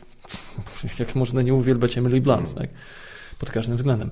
Natomiast e, nie zrobił na mnie aż tak piorunującego wrażenia, jak no, ewidentnie tutaj na tobie. Był dobry, natomiast nie na tyle dobry, żeby załapać się na listę. Kumam. Dobra, miejsce ósme i teraz zaczynamy ode mnie, się nie mylę. Tak, bo dziewiąty to zaczyna. Tak, tak, tak. I miejsce ósme, to żeby nie dublować i za dużo nie gadać, ponownie u mnie na miejscu ósmym jest Free Guy. Aha, E, I dokładnie, dokładnie tak jak sam powiedziałeś, totalne zaskoczenie, myślałem, że będzie kiszka, a, a po prostu ta ilość nawiązań, plus naprawdę taka, mówię, pokrzepiająca, ciepła historia tam relacji tego dzieciaka z tym, z tą, z tą dziewczyną i tam e, e, ta, ta, ta, ta, ta, ich love story i tak dalej, no plus Taika Waititi over the top jak zawsze. jest jakby, no, no mówię, no ten, ten film dokonał, po prostu dokonywał wyborów y, na zasadzie czyje cameo zawrzeć, czyje nie. I każdy z tych wyborów po prostu był strzał w dychę. I, i, i powiem szczerze, e, ja się tylko cieszę i, i nie wiem, czy to jest spoiler, bo on się pojawia na samiutkim początku filmu, ty, Channing Tatum ostatnio za, za e, ma jakiś taki lekki comeback, mam wrażenie. I jestem bardzo zadowolony, bo ja zawsze go lubiłem. Uważałem, że jego comic timing jest po prostu genialny, więc uwielbiałem go jako aktora komediowego i jest właśnie scena w Free Guy'u, gdzie ja po prostu szczałem ze śmiechu, na, na jak, jak, Channing Tatum odgrywał, jak gościu, który nim sterował, krzyczał, krzyczał do swojej mamy. To to, jak Channing Tatum to grał, to ja po prostu leżałem ze śmiechu. No! Mom! No, ale to zauważ, że Channing Tatum potrafi mieć takie ciekawe komediowe cameo. Pamiętasz yy, i stanie, jak to się nazywało? Stanie się koniec. Stanie się koniec. I love him. I love him. Channing Tatum? I love him. Więc tak, no więc i, i powiem szczerze, chyba ta scena właśnie nie jest z Channingiem. No potem jest jeszcze jedno głośniejsze nieco cameo, które też już w ogóle, w ogóle ja nie będę oczywiście mówił, nie, ale chyba już było i tak zaspoilowane. Mi było zaspoilowane, zanim w ogóle film obejrzałem. No. O, ojeju. No. To Wiktor znowu? Nie, nie Wiktor, ale jakaś miniaturka na YouTube oczywiście. Mhm. No, to... więc to jest, wiesz... No cóż, jebać internet. Dokładnie tak. E, więc... Ja, mi już zaczynają podpowiadać jakieś miniaturki z Morbiusa. Muszę to jak najszybciej obejrzeć, bo... Czy ty słyszałeś? Nie. Ale... Nie, Nie, nie- nie, nie, ale opinie, że to jest po prostu dramat. Tak? A, naj, a najbardziej mnie zaskoczyło, że najbardziej mnie zaskoczyło opinie i tam takich youtuberów, których śledzę, też, też byli w szoku, jak to przeczytali, że, że generalnie jest, y, jest nudny, nielogiczny, Mhm. tandetny, ale że podobno the post-credit scene managed, managed to outdo it all. Że jest podobno są najgorsze post-credit w historii Marvela. Ja tak, o kurwa, co tam się, co tam się dzieje? No. Paradoksalnie to tylko sprawia, że tym bardziej chcę to obejrzeć, żeby przekonać się na własne oczy. Dok- Dokładnie tak. Nie? Najlepsze jest to, że reżyser Daniel Espinoza miał jakieś Q&A na Twitterze e, Mhm. i, i, i wiesz, i fan- fani mu zadawali pytania takie, które normalnie, nie wiem, jakiś Kevin Feige czy coś by powiedział, no nie wiem, może będzie trzeba pójść zobaczyć, nie? A, a ten odpowiadał tak, nie. Wiesz, w zasadzie czytaj ta postać, e, to jest ta z tego uniwersum? Tak. Okej, tak. Po prostu spoilujesz film, okej. Dzięki, to już nie muszę iść oglądać. Więc jestem bardzo ciekawy samego filmu. Twoje, tutaj też myślę, będziemy mieli o czym pogadać. Oh shit. No dobra, trudno. No właśnie. E, więc y, kto by Guy na ósmym, teraz co, ty masz na ósmym? Tak, e, ósme miejsce. Film, który obejrzałem trochę na zasadzie, aha, mamy kręcić topkę, więc trzeba odrobić zaległości i film trafił na moją listę tak rzutem na taśmę. Bo kolejny, który zacząłem, ale nie, nie skończyłem niestety. A może, nie wiem. E, Co więcej, można obejrzeć, jest dostępny na HBO teraz już Max. Judas, Judas, and tak. the Black Messiah, czyli Judasz i Czarny Mesjasz. O, kurwa, jaki to jest dobry film. Tak? I- Ja zobaczyłem 15 minut, jedyne co mogę być po 15 minutach to, że kuźwa, ten Daniel Kluja to jest... Kaluja, Kuluja. kaluja. Jest...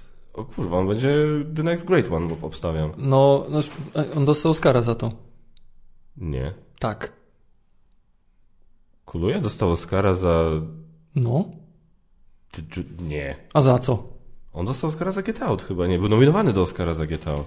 No, a dostał Oscara za. No sprawdź, ale no, Mhm. Eee, bo tam były dwie. W ogóle to było ciekawe, bo mimo, że to, jest, to była kreacja pierwszoplanowa, to on i ten. e, Boże, ten, ten drugi aktor, nie pamiętam jak się nazywał. Co grał. No, sprawdź. Poczekaj. Eee... Lakeith, jak mu tam. O kuźwa! On, on, ale poczekaj, on dostał za Best Supporting Actor? No właśnie to jest dziwne, bo A, dwie. i, poczekaj, przepraszam ciebie. I to jest właśnie kuźwa to. No, o, poli, o tym policzku to ja już kurwa czytałem wszystko chyba co możliwe, tak? A nawet nie wiedziałem, że on zgarnął Oscara za Judas and the Black Messiah. To było to, że on się chyba w- dostał tego Oscara i się nie wymiotował i gadał. Było o tym, bo to był, była ta ceremonia chyba zdalna. Czy to były Złote Globy, było coś takiego, że on tam się... No to, było za to. Wow, okej. Tak, no to, to to, że on jest zajebisty, to już zostało docenione. No to- jak bardzo nie zdewalu, zdewaluowałby się Oscar, to nadal on go dostał za tę, za tę rolę. Freda Hamptona, tak, jeśli dobrze pamiętam, czyli, e, czyli przewodniczącego Czarnych Panter w, e, Boże, w Chicago. Chyba tak. Tak, bo tam nawet tu się w, w, w procesie siedmiu z y, Chicago wspomina się o nim, a z kolei w tym filmie wspomina się mm, e, o tym gościu, co też tam zasiadł na ławie oskarżonych, co, co ostatecznie go tam puścili. Ten film, jak na film, o film dosyć polityczny, taki socjologiczny, kurewsko trzyma w napięciu. I to, co tam się odpierdalało, i to, jak nietuzinkową postacią był Fred Hampton, dobrze mówię? Tak? Żebym nie przekręcił. Masz tam to gdzieś? Poczekaj. Masz komputer, to sprawdź. Ale chyba Fred Hampton. I sam fakt, że, że gościu miał 21 lat, kiedy był tak aktywny, Tak, kiedy tak, kiedy tak bardzo walczył e, o, o, o, te, o te prawa, ale też tu już nawet nie chodzi o jakieś równouprawnienie, takie, takie szeroko pojmowane, ale o prawo do, mm, do darmowej opieki zdrowotnej. I to, jaką miał charyzmę, i, i to, że miał 21 lat, kiedy, kiedy był tak ak- u, szczytu właśnie tej swojej aktywności, kiedy został no, trzeba nazwać rzeczy po imieniu, został zamordowany przez, przez policję i FBI, tak? Niesamowita historia.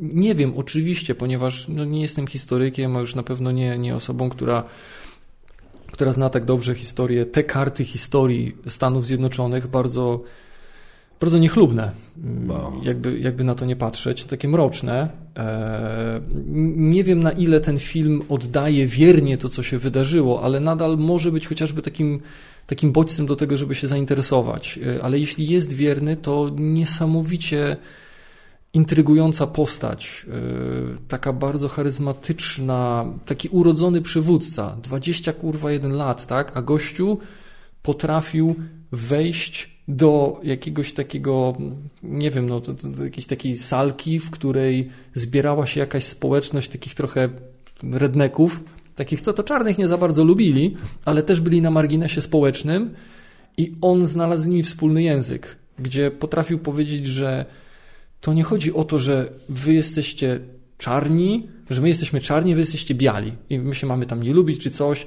Tu chodzi o to, że wy jesteście biedotą i macie takie same problemy z dostępem do, że chodzicie głodni, że wypierdalają was z domów, że nie macie dostępu do, do, do ochrony zdrowia i my mamy tak samo.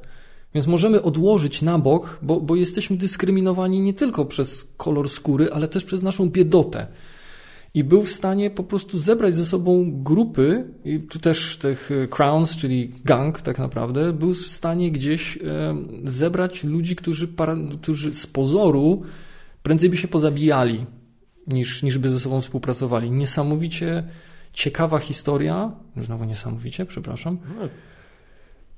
Arcyciekawa historia e, i film cholernie trzymający w napięciu z finałem, który po prostu kurwa łapie za serce i za żołądek. Także bardzo polecam ten film. No to teraz jak to powiedziałeś, to tym bardziej nawet chyba to obejrzę zanim dokończę. Chyba to dokończę zanim dokończę Power of the Dog. No to, to jest na li... mm. ten film jest na liście filmów, których bardzo żałuję, że nie udało mi się obejrzeć w tym roku. E, no i mówię, no Daniel Kaluuya po prostu, on, miał tak, on ma taką jedną scenę w Widows, po prostu, mm -hmm. gdzie, no wiesz, którą, nie? Wiem. Na pierdziele, po prostu ja tam byłem posrany. No, on, tak, coś takiego we wzroku no, nie, on tam wystarczyło, że patrzył. Dokładnie tak. On A ty srałeś w gacie. Dokładnie tak. tak. Bałeś się, że będziesz kolejny. Genialny, genialny gościu. E, a najlepsze jest że jak, jak oglądasz jego w jakiś wywiad, już jest Brytolem, jest taki cały śmieszny, taki wiesz, taki chodzi, cały, mm. że cały jest taki to jest po prostu niesamowity, niesamowity talent. To to było twoje miejsce ósme, no to teraz ty mówisz miejsce siódme. Mhm. Moje miejsce siódme e, Slumdog Millionaire. Wersji. Ty, tylko taki bez śpiewania i bez tańców i bez słodkich historii i z całym brudem i syfem i społeczną nierównością Indii, mianowicie The White Tiger. O, nie, nie, nie widziałem. O, to obejrzyj. Jest... O, ja pierdolę. film, jest, film jest mocny. Bo film pokazuje też nie wiem na ile prawdziwie, nie byłem w Indiach, nie, nie interesowałem się, chociaż y, rozmawiałem chociażby z moim dobrym przyjacielem, jednym z którym to oglądałem, to mówi, że no, on był i mówi, że no tak, tak te Indie to tak trochę wyglądają. Um, to jest też taka historia, w której ktoś wychodzi z tej takiej skrajnej nędzy, z tej skrajnej biedoty indyjskiej i trafia na szczyt tylko nie trafia na ten szczyt w taki właśnie sposób, jak to było w, w Milioner z ulicy, że on tam tu coś podłapał, tam coś podłapał, poszedł do tych milionerów, wygrał, a na końcu wszyscy tańczyli i było zajebiście. Nie, tu jest, tu jest syf, tu jest brud, tu jest e, brutalność, tu jest e, wyścig szczurów, tu jest e, walka o, o jakąś godność za wszelką cenę. Bardzo dobry film, polecam. Tak, no, naprawdę taka, taka mroczna historia indyjska od zera do, do milionera z bardzo wieloma takimi mm, dys, moralnie wątpliwymi akcentami. No, naprawdę dobry film. Kurde, no okej, okay, jest wpisany. Nie, przeleciał mi pod radarem niestety. Mhm. Um, tak, żeś to powiedział, teraz aż mi głupio powiedzieć, jaki jest mój siódmy film. E, bo no w zasadzie, żeby potem nie było, tak? Nazwa kanału brzmi Geek Factor. Jest jakiś, jakiś porno. Nie jest Smart Factor, tak? Ty poczekaj, jeszcze nie widziałaś reszty mojej listy. E, u mnie na miejscu siódmym film, który, który mnie zaskoczył e, trailerem, na zasadzie, że nawet nie wiedziałem, że taki film będzie. Jak zobaczyłem ten trailer, mówię, nie, kuźwa, nie rób sobie ze mnie jaj. I, i jak zobaczyłem i mówiłem, ty, to, to musi być świetne, błagam, żeby to było świetne, żeśmy to z Basią obejrzeli. Gdybyśmy nagrywali tę topkę z Basią, obstawiam, że ten film by był nie dużo wyżej. E, I od razu mówię, że to na bank ma tutaj olbrzymią, olbrzymią rolę odgrywa fakt, że jestem olbrzymim fanem serialu Better Call Saul. U mnie na miejscu siódmym jest film Nobody mm. z, e, z Bobem Odenkirkiem. Mm. Jest no tak, można by pomyśleć, że taki trochę John Wick, ale jednak nie do końca John Wick.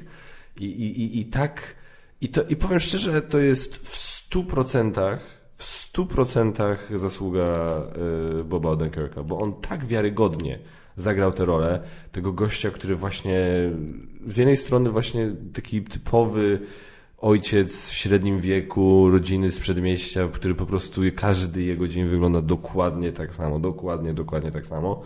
I nagle jest po prostu flip the switch i jest z maszyną do zabijania i jest ciągle tak samo wiarygodny. Pomimo tego, że nie zmienia wcale, wiesz, to nie jest jakaś taka przemiana, że nagle on zaczyna chodzić inaczej albo mu, głos mu nagle opada. Nie, to jest po prostu jest drastyczna zmiana i, i, i w zachowaniu i w, w, jego reakcji. I nagle okazuje się, że te, ten typ, który się tak zachowuje, który tak gada właśnie, który tak wynosi śmieci, przy okazji potrafi dokładnie z takim samym temperamentem zabić 50 osób.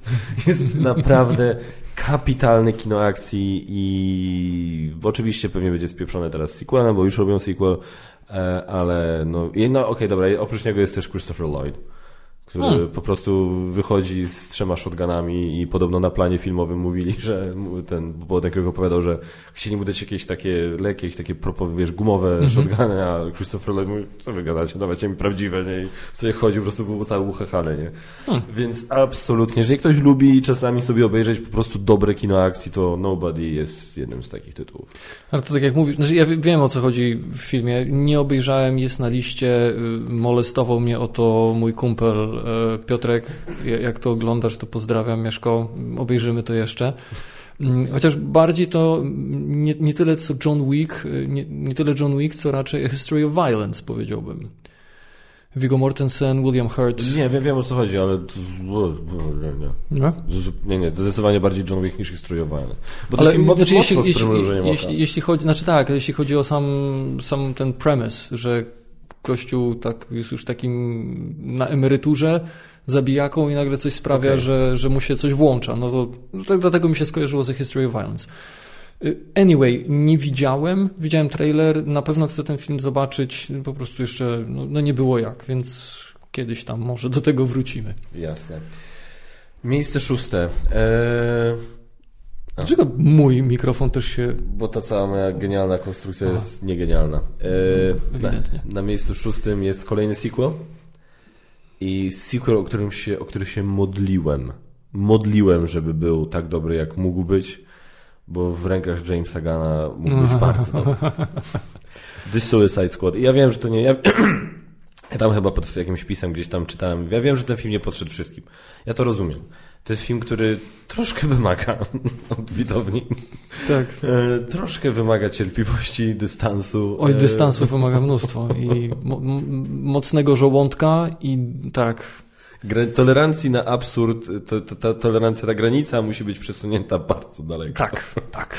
Ale to, za co kocham ten film, to jest za to, że to jest jeden z bardzo niewielu obecnie filmów komiksowych, zwłaszcza zwłaszcza ze stajni DC, który po prostu wie, czym jest i o czym opowiada i po prostu idzie w to na całość. I nie próbuje być czymś, czym nie jest. Dokładnie tak. To jest po prostu absolutnie cudowne w tym filmie. To jest każdy aktor, każdy, wszyscy na planie po prostu wiedzieli dokładnie po co tam są, co robią i czemu to ma służyć. I wyszło coś cudownego.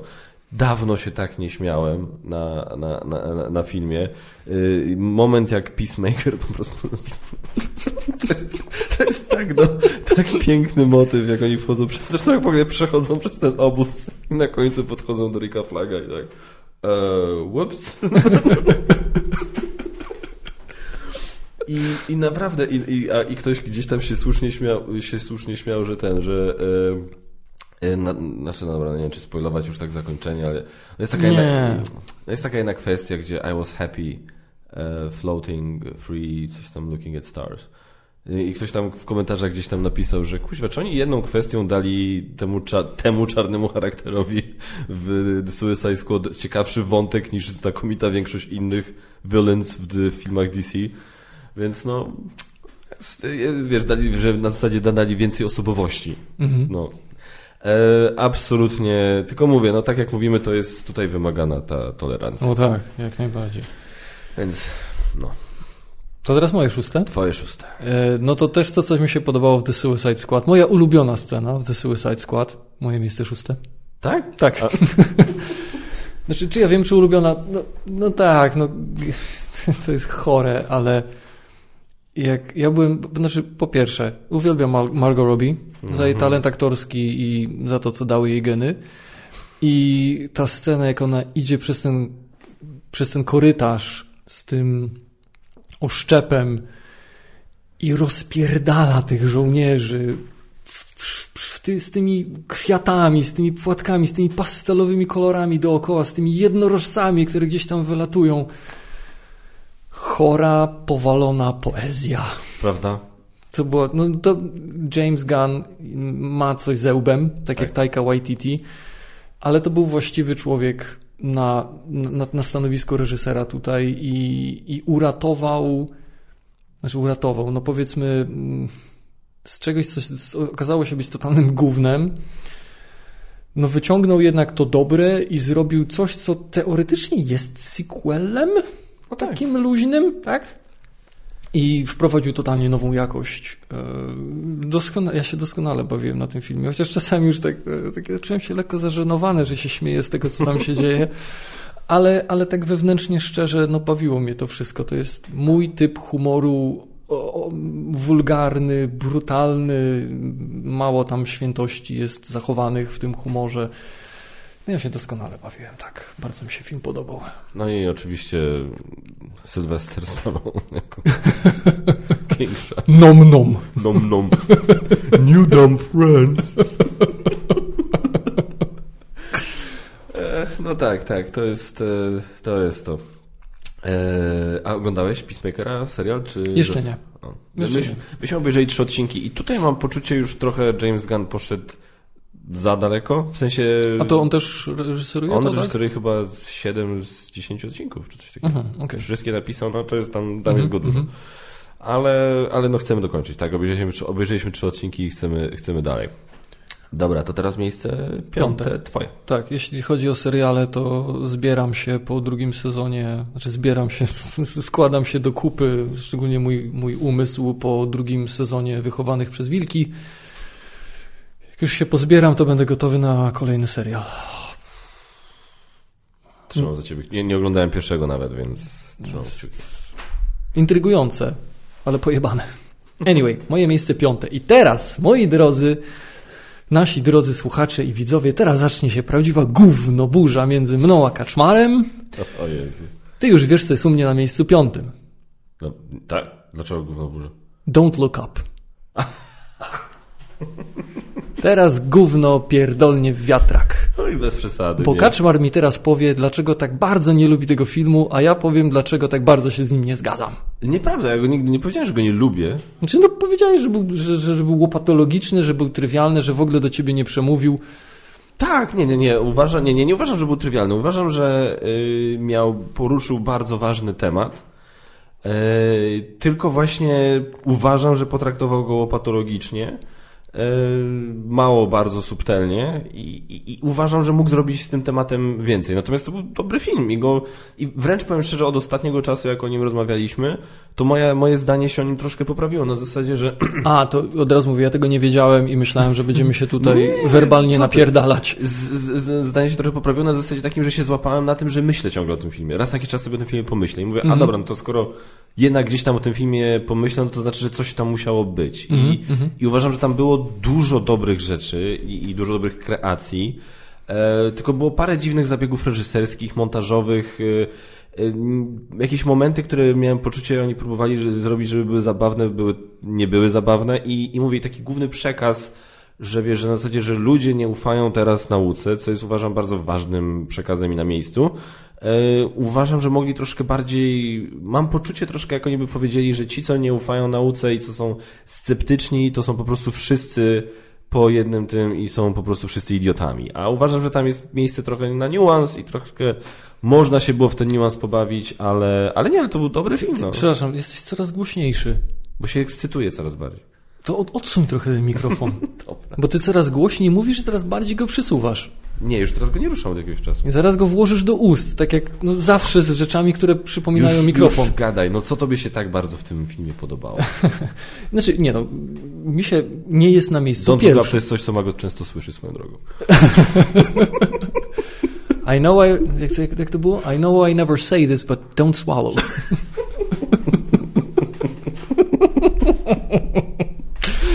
E, nie, nie patrzę w górę, no po co mi to? po co się jeszcze dodatkowo Dokładnie. stresować i dołować. Twój główny zarzut, y, że jest mało subtelny i że jest trochę łopatologiczny, zgodzę się, natomiast uważam, że to jest film, który ma odpowiednie przesłanie i to przesłanie przesyła. To przesłanie, jak to powiedzieć? Przekazuje. Conveys, przekazuje y, w sposób, który jest na miarę naszych czasów. Czyli kiedy mamy, i to jest naukowo udowodnione, mamy coraz krótszy ten, jak to, jak to powiedzieć po polsku, attention span, Attention span, attention span czyli ten, ten, ten, ten czas, który, w którym jest, który jesteśmy w stanie poświęcić uwagę jednej rzeczy, że to, jak teraz działamy, że jesteśmy zasypywani informacjami, y, żyjemy w stresie, więc y, czas koncentracji na jednej czynności, na jednej rzeczy, na, na kawałku tekstu jest krótki. Więc napierdala do nas TikTok, napierdala do nas Twitter, tak? Y, czytamy posta, ale nie przeczytamy artykułu w gazecie. Mm, przeczytamy tweeta, ale nie przeczytamy książki, tak? Przeczytamy post jakiegoś tam pseudonaukowca czy, czy, czy jakiegoś szarlatana, ale nie przeczytamy na przykład naukowego opracowania, które wydał jakiś uniwersytet z przypisami, więc to będzie przystępne. Więc uważam, że ta łopatologiczność jest pewną satyrą na to, jak my odbieramy informacje i skąd. I wydaje mi się, że on jest łopatologiczny, ponieważ dostosowuje się do tego, jak łopatologicznie przyjmujemy informacje jako ogólnie społeczeństwo. I ten nasz sceptycyzm niejednokrotnie i fanatyzm scepty sceptyczny właśnie bierze się stąd, że czerpiemy informacje z tych źródeł, które rzucają nam takie szybkie, szybkie pigułki, czyli zamiast zjeść y, porządny, dobrze zbilansowany posiłek, to bierzemy tabletki z suplementami. To, jest, to, to są informacje, jakimi nas się karmi. Więc wydaje mi się, że on być może z tym brakiem subtelności i z tą łopatologicznością czasami idzie za daleko, ale wydaje mi się, że w pewien sposób jest właśnie pokazaniem, jak musi dotrzeć w taki łopatologiczny sposób, bo tylko w taki sposób już teraz akceptujemy i, i przyjmujemy informacje, czyli zamiast pochylić się nad czymś, zamiast sprawdzić kilka źródeł, zamiast poddać coś w wątpliwość, ale nie taką, że nie, to na bank kurwa tak nie może być, tylko a może to nie może być, więc teraz poszukam, poczytam, postaram się. Tak? Więc wydaje mi się, że to wy może wynikać stąd. I może ja się mylę, może było tak, że został niedostatecznie skrupulatnie napisany scenariusz. Że może scenariusz mógłby być lepszy, może to nie był celowy zabieg, ale ja ten film odbieram właśnie tak. I on pozostał ze mną na długo.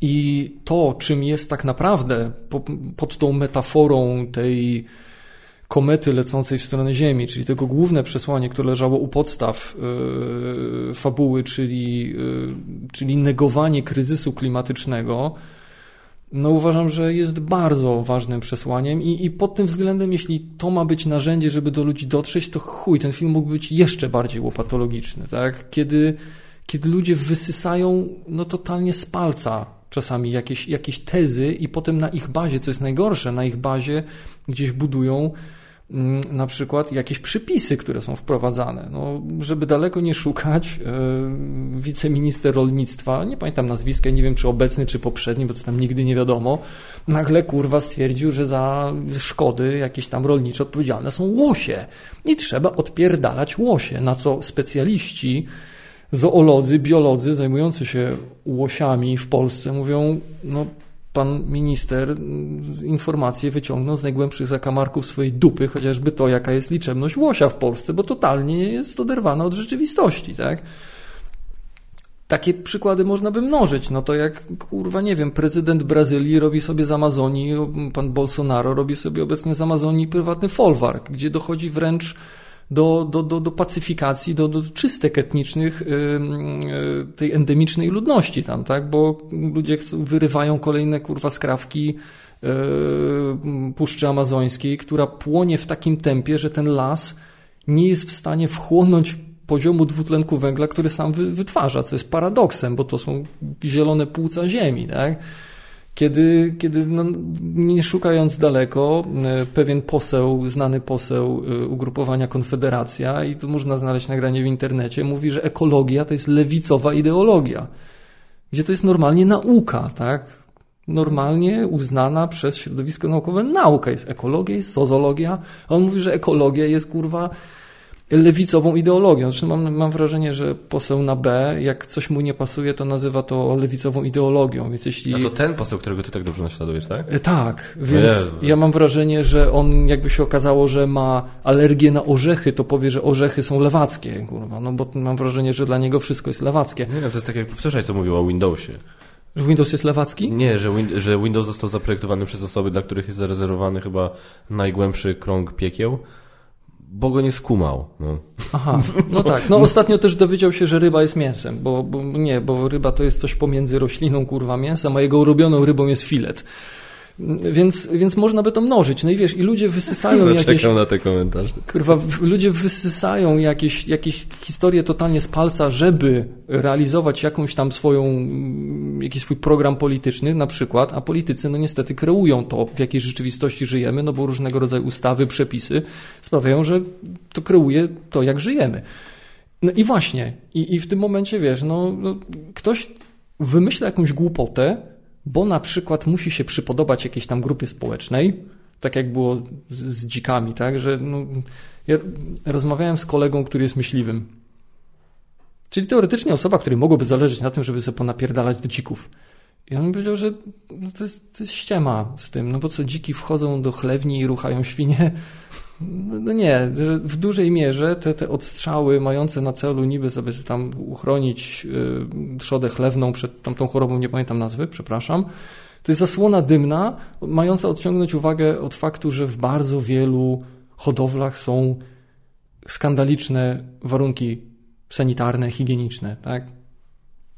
No ale no. trzeba znaleźć winnego i odciągnąć gdzieś uwagę. No i to wszystko to, że Donald Trump swojej tam, to było jeszcze kampanii wyborczej, mówił, że ten cudowny węgiel, którym tam beautiful coal, no więc to wszystko i, i, i, i w momencie, kiedy i, i bardzo przemówiły do mnie te sceny, w których ci naukowcy y, grani przez Leonardo DiCaprio i Jennifer Lawrence autentycznie bije od nich frustracja. I ja się bardzo mogłem z tym utożsamić, bo jako osoba, której bardzo leży to na sercu, która bardzo się przejmuje y, sprawami dotyczącymi właśnie zmian klimatycznych, y, ochrony zwierząt i tak dalej.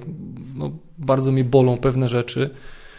Y, to ja czułem tę, tę, autentycznie czułem tę ich frustrację, kiedy oni próbują przemówić komuś do rozsądku, a wszyscy to bagatelizują, obracają to w żart, bo to jest telewizja śniadaniowa, więc musi być zabawnie. Tak? No, więc jak dla mnie ten film jest cholernie ważny i może nie robi wszystkiego w doskonały sposób, może mógłby pewne rzeczy robić lepiej.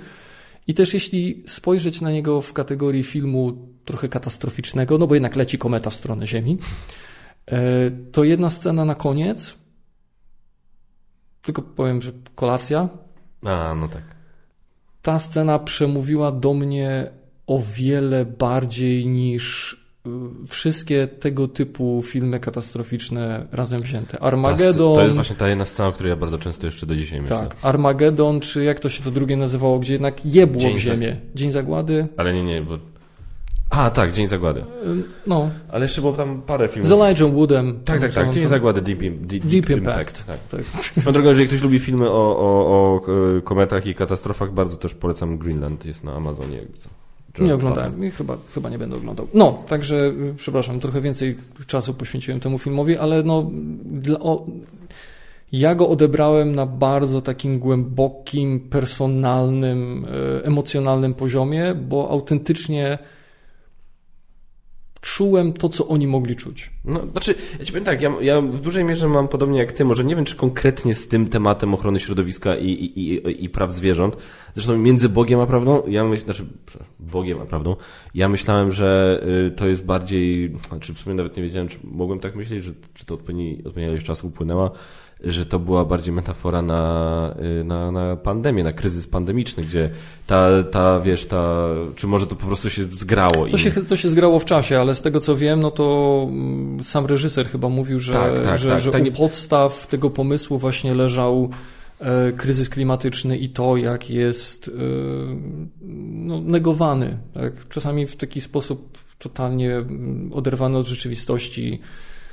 No. Znaczy, jedna, jest inna kwestia też tego typu, jeśli, że ja podchodzę do tych do tego filmu, do tego typu filmów też podchodzę z jakimś tam konkretnym nastawieniem, nastawieniem, mianowicie ja wiem, że ten film nie osiągnie efektu, który pewnie by twórcy chcieli, żeby osiągnął, o którym ty teraz wspomniałeś, żebyś chciał, żeby osiągnął, bo niestety też doszliśmy do takich czasów, gdzie ludzie mają serdecznie dosyć, jak I to myślę, że ludzie po obu stronach, bo nawet ja mam trochę serdecznie dosyć, Mhm. jak Hollywood mi prawi morały. Jak DiCaprio mi mówi o ochronie środowiska i leci z swoim prywatnym odrzutowcem odebrać nagrodę jakąś, wiesz. Kumasz, no wiem, wiem. w- tym świecie jest po prostu tyle hipokryzji i zakłamania. Mhm. I ja nawet nie mówię, że od wszystkich, bo nie, bo autentycznie wierzę, że jest dużo aktorów y, i aktorek, którzy właśnie biorą się za jakieś szczytne y, cele i faktycznie robią to, bo aut- autentycznie, możecie się ze mnie śmiać, mam to w dupie, autenty- wierzę, że George Clooney jest taką osobą, która szczerze po prostu wierzy, że to, co robi, jak on walczy właśnie o tam różne sprawy społeczne i tak dalej, że on to właśnie robi dlatego, że uważa, że to jest słuszne. Dlatego, że on uważa, że osoby, które mają platformę i mogą dotrzeć do dużej liczby osób, mają poniekąd obowiązek wykorzystać tę platformę w szczytnym celu. I on to robi ze szczerej chęci. No ale niestety obstawiam, że jest trochę więcej może być tych, którzy robią to, bo chcą zyskać sobie ten dobry... Ja, ja zaraz stąd wyjdę. zys- chcą zyskać ten dobry PR, tak? Więc to jest jakby... Powiedziałem to, bo już ciężko mi wytrzymać z poziomem Dobra, ja głośności sobie- kaczmara w Ja moich sobie, uszach. ja sobie regularnie skręcam i teraz za chwilę ja przestanę po prostu być słyszalny, no ale zobaczymy. Jak teraz jest? Jest trochę lepiej. Okej. A ty sk- skręcałeś teraz siebie? Czy mnie? Ja mam wrażenie, że mnie skręciłeś. No właśnie, bo tak z- z- coraz ciszej słyszałem siebie. Poczekaj, no bez kitu, teraz, teraz to już powinno być chyba okej. Teraz Nie skręciłem siebie. Ale No nieważne. Yy, i, i, teraz od tej pory ludzie słyszą już tylko ciebie, no ale ty, jesteś tu gwiazdą. Więc, y, więc myślę, że, że ja po prostu też wiem, że to jest skazane trochę na porażkę i może dlatego byłem trochę ten... No być może, no ale wiesz, jak to tam kiedyś powiedział, e, wszystkich książek nie przeczytasz, całej wódki nie wypijesz, wszystkich kobiet nie przelecisz, ale próbować trzeba. Więc oczywiście, no, no tak, no, ten film pewnie nie przyniesie efektu i zgadzam się z tym, co mówisz. Nawet jeśli są osoby, które robią to faktycznie szczerze i tak jak mówisz, mm, mają świadomość tego, że swoją sławą i swoją pozycją i tą platformą, którą daje im ta rozpoznawalność, mogą coś zdziałać, bo nawet jeśli niektóre osoby wesprą ich, e, wesprą em, ich jakieś tam działania, żeby też się trochę pokazać, no to koniec końców czasami faktycznie cel uświęca środki. Więc jeśli jesteś w stanie dać mi 2 miliony dolców, żeby wesprzeć jakąś tam moją akcję charytatywną, mnie, aktora, i ja to przekażę na szczytny cel i komuś pomogę, chuj, no niech ci będzie, że trochę chciałeś się wypromować, a mogłeś dać 5, tak, bo masz. Okej, no cel trochę uświęca środki, ale też mam świadomość tego, że pośród tych gwiazd, które faktycznie coś robią, e, autentycznie szczerze, no też jest na pewno dużo takich, którzy chcą sobie pomoralizować, bo nagle im się wydaje, że pozjadali wszystkie rozumy, albo chcą traktują to jako dodatkowy sposób e, promowania siebie i, i, i, gdzieś zwiększania swoich zasięgów i, i może mm, powracania do świadomości odbiorcy, bo trochę zostali zapomniani. No ja wiem, więc tak, to, to sprawia, że czasami ciężko na tych ludzi i na takie filmy patrzeć, że to jest autentyczne, bo mamy świadomość, że są tacy, którzy no po prostu próbują się mm, wypromować, nie chcą, żeby o nich zapomniano. Tak, ale jeśli jest chociaż kilka, kilkanaście osób, które po obejrzeniu tego filmu chociaż zaczną się zastanawiać, zaczną czytać i, i, i potem może porozmawiają z innymi, to uważam, że to jest tego warte. Tak jest moje zdanie. Okej, okay, no ja w każdym razie też czekam na kolejny jego film z Jennifer Lawrence w roli głównej. E, będzie o słynnej, e, nie pamiętam, Elizabeth Warren? E, prezes firmy Theranos. Firmy farmaceutycznej. Bardzo, jest to na, na Netflixie. Jeżeli chcecie zobaczyć definicję crazy eyes, to wygooglujcie sobie panią CEO firmy Theranos. Generalnie jedna z najgorszych podobno. Kojarzysz tego gościa, który wywindował ceny leku na AIDS? I był nazwany tam największym dupkiem w historii generalnie. Bo taki Martin mm, Shkreli się, się tym nazywał, taka głośna sprawa, że gościu przejął jakiś tam patent czy coś i nagle cena leku na AIDS podskoczyła po prostu drastycznie. Mm-hmm. On stwierdził, że zrobi droższy, tak? I, I, ona jest jego jakby takim damskim odpowiednikiem. Anyway, Aha. polecam, ciekawa historia. To nie wiem, nie słyszałem. U mnie na miejscu piątym. Yy, to jest, to była do, do poniedziałku rana. To już chyba wiem, o to co chodzi. To była dla mnie taka radość, że mogłem w końcu po tylu latach film z moim ulubionym aktorem dać na swoje top 10. Do niedawna moim ulubionym aktorem? Do niedawna moim ulubionym aktorem. Znaczy, nie no, zobaczymy. E, King Richard u mnie jest na miejscu piątym. E, najlepsza rola Willa Smitha, bez dwóch zdań, ale żeby nie umniejszać, cała obsada dała tam czadu. Cała obsada dała tam czadu. An, Anjun, Anjuna... An, Anjunay... Anjunay Alice e, e, była fenomenalna. Te dziewczynki, które grały e, siostry Williams były fantastyczne. Już od trailera one mi się spodobały. I John Berntal w tak zupełnie no nie? innej po prostu nie Nikogo nie bił, nie, nie bluzgał. Mało tego, moment, w którym Richard mu powiedział, że, znaczy ujawnił, że pewną taką dosyć istotną informację zataił przed nim, mhm. to właśnie taki normalny John Bernthal by mu zareagował w bardzo konkretny sposób, tak? Jak Will Smith na Chrisa Rocka. Jak...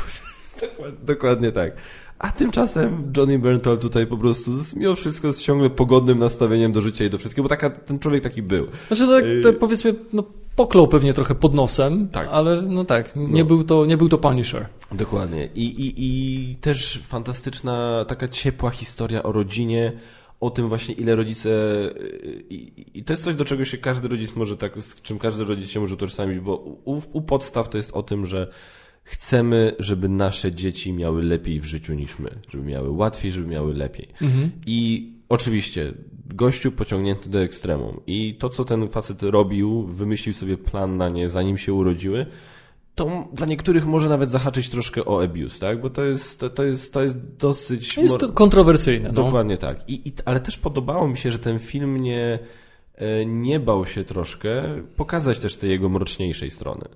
I, I na przykład taka rozmowa między nią, między właśnie nim a nią, w którymś momencie tam chyba w połowie filmu mniej więcej, mhm. e, gdzie ona mu wygarnęła parę rzeczy na jego temat. I, i, i, i, I to nie było tak, że nie miałeś tutaj poczucia, że, że, że jak gdzieś tam prawda jest po obu stronach, to tak tego słuchasz mówić, no okej, okay, no dobra, no faktycznie gościa też trzeba rozliczyć z pewnych rzeczy, bo to nie jest tak, że on jest taki super cudowny. Mhm. Więc, y, więc bardzo mi się to podobało I, i, i naprawdę taka historia, pomimo tego, że jakimś wielkim fanem tenisa nie jestem, E, to naprawdę pokrzepiająca i ten ostatni mecz, gdzie się faktycznie kurde, no się cały emocjonowałeś i, i, i chciałeś dla niej jak najlepiej i no, naprawdę bardzo, bardzo ciepły film. Byłem bardzo zaskoczony, że, że ten film się aż tak udał i absolutnie, absolutnie polecam King Richard. Największe, bardziej, bardzo mi się też podobało, jak ktoś by widział plakat King Richard, gdzie Jest ten napis King Richard, jest taki tak w, w prawym dolnym rogu Will Smith z tymi córkami na tym wózku.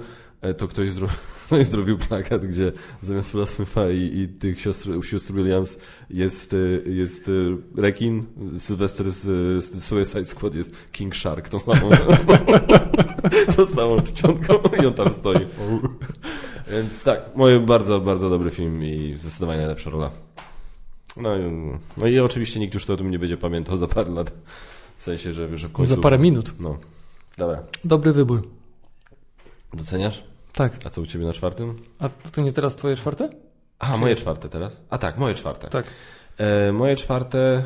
E, chciałem powiedzieć, że ostatni ambitny film, ale się osobiście z tym nie zgodzę. Uważam, że trzeci też u mnie jest dosyć ambitny. E, film... To, to jest oficjalnie największe zaskoczenie na tej liście moje. Mhm. Bo to się kurwa nie miało prawa udać. Jak, ty chyba, ty nawet ten film skreśliłeś na sam, na dzień dobry, podejrzewam, że go ciągle nie widziałeś.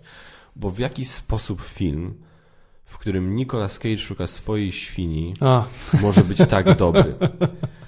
A my z Basią po prostu żeśmy siedzieli i żeśmy się na koniec tak poryczeli i, i że, że po prostu mała bania. To jest tak przepiękny film. E, owszem, rozbawiło mnie bardzo, jak przeczytałem, że Nicolas Cage go zrobił właśnie po to, żeby przypomnieć ludziom, że on potrafi zrobić mądry film i dobry film. E, nie wiem, czy powiedziałem tytuł Świnia. Świnia. E, Mhm. Pig. E, Pig. Ciekawostka, wcześniej wspomniany przeze mnie spin-off e, The Quiet Place, A Quiet Place będzie reżyserowany właśnie przez reżysera Świni. Trzecia część będzie robiona przez Krasińskiego, natomiast ten będzie przez, e, spin-off będzie robiony przez reżysera Świni. Okej. Tak, fabuła brzmi jakby Nicolas Cage stwierdził, że, że ja, chcę być, ja chcę mieć takiego Johnny'ego Łyka, tylko ponieważ to jestem ja, to ja chcę mieć świnię. I wiesz, tak...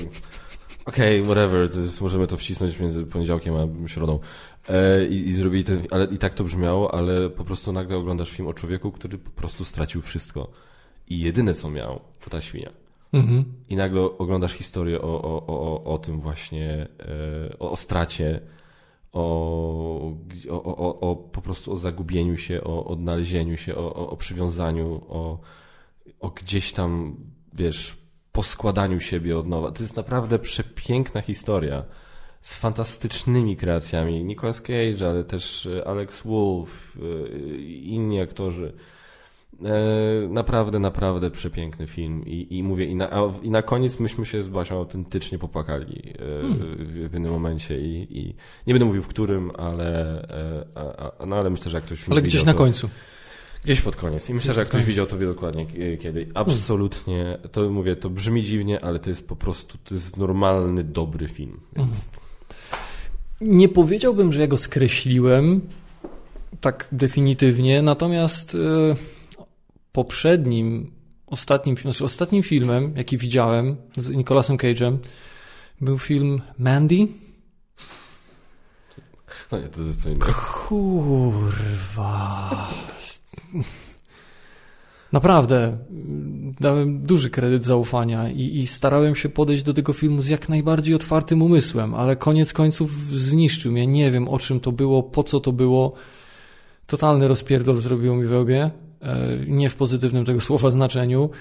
Więc po tym filmie, jak nagle stwierdziłem, że znowu jakiś film, który zalatuje dziwadłem, jakimś dziwactwem z Nicolasem Cage'em, to ja może poczekam, może kiedyś coś przy okazji, ale słyszałem bardzo pochlebne opinie o tym filmie, plus teraz twoja, więc pewnie zobaczę, jeśli gdzieś tam się nadarzy okazja. Ale nie, no nie widziałem, nie ma u mnie na liście. No nie wiem, tak jakoś nikt stracił u mnie już jakiś czas temu. Ja ale kumam. ja to jestem ciekaw tego filmu, który ma z nim wyjść, gdzie on gra siebie. O tak, tego też jestem bardzo ciekawy. No. A, wiesz co, no tak, trochę się zdradziłem. Moje miejsce czwarte jest dowodem na to, że ja tam cancel culture nie uznaję, bo gdybym uznawał, to w ostatniej chwili musiałbym ten film wyrzucić z mojej listy, a King Richard jest na miejscu czwartym. Podpisuję się ręcami i nogami, ręcyma i nogami pod tym, co powiedziałeś. Wszystkie kreacje, historia naprawdę niesamowita. I słodko-gorzka, lekko mrocznawa momentami, ale faktycznie u podstaw gdzieś leży, nawet jeśli te środki, które miały służyć osiągnięciu celu. Były kontrowersyjne, patrząc na to mm, gdzieś tam może z naszego punktu widzenia, to w pewnym stopniu, znaczy no, rozumiesz, co leżało u ich podstaw, rozumiesz, co leżało u podstaw tego planu, bo mm, nie oszukujmy się, Compton jest jedną z takich dzielnic jakiegokolwiek miasta amerykańskiego, już nawet nie patrząc na to tylko przez pryzmat Los Angeles, owianego jedną z najgorszych sław. Nie? Tam, no, jak się mówisz Compton i myślisz, że tylko przejeżdża samochód i napierdala serią, tak? Po, po ludziach, którzy stoją gdzieś tam na chodniku, że tylko ciągłe wojny gangów, znaczy wojny, no, no tak, no powiedzmy, że jedna wielka wojna gangów, wszędzie dragi, ja uderzyłem w stół, A, niechcący. Że naprawdę najgorsze miejsce, w którym mogłyby się wychowywać dzieci. I trochę tego jest tam pokazane. Więc jak bardzo nie byłoby to kontrowersyjne, jak, jak bardzo nie chciałoby się gdzieś tam powiedzieć, że on odebrał tym swoim córkom dzieciństwo, bo w ogóle ich nie pytał o nic, tak? On im zaplanował tę karierę i, je wykreował, więc można powiedzieć, gdzie, gdzie ta wolność, gdzie ta możliwość dzieci decydowania o, o, o sobie w którymś momencie. Czy te dzieci mogły w ogóle mieć marzenia, kim chcą zostać, tak jak każdy z nas gdzieś chciał być tam, nie wiem, lekarzem, policjantem, kimkolwiek, tak? Kanarem w autobusie, a potem został kimś tam. Może nie mogło tu być o, o, o, czymś takim mowy, może te dzieci nawet nigdy nie mogły mieć tych marzeń, bo od, od momentu, jak już zaczęły cokolwiek kumać, zaczęły kontaktować, zaczęły rozmawiać, uczyć się, to już były tenisistkami. Więc bardzo kontrowersyjnie, ale cały czas czujesz, że właśnie to, co mówię, żeby miały lepiej, żeby mogły się wyrwać z tego miejsca, które niejako z automatu skazuje człowieka na mężczyznę, na, bycia gangst, na bycie gangsterem, który albo, albo zaraz trafi na kratki, za kratki, przepraszam, albo skończy w rowie z kulą, z trzema kulkami, tak? Że, że oczekiwany E, ta oczekiwana długość życia jest bardzo niska, a kobieta wtedy skończy z, z brzuchem na zasiłku, bo facet będzie albo we wspomnianym rowie, albo we wspomnianym więzieniu. I w tym momencie on próbował zrobić wszystko, żeby one tam nie skończyły. Czyli taki właśnie, no, bardzo szary, bardzo w, mhm. w, tych, w, tych, mm, w tym spektrum szarości obraca się ten film. Nie jest ani czarny, ani biały, tak jak właśnie postać samego Richarda Williamsa. No genialna, wszystkie kreacje genialne. Smith zasłużenie uważam dostał Oscara.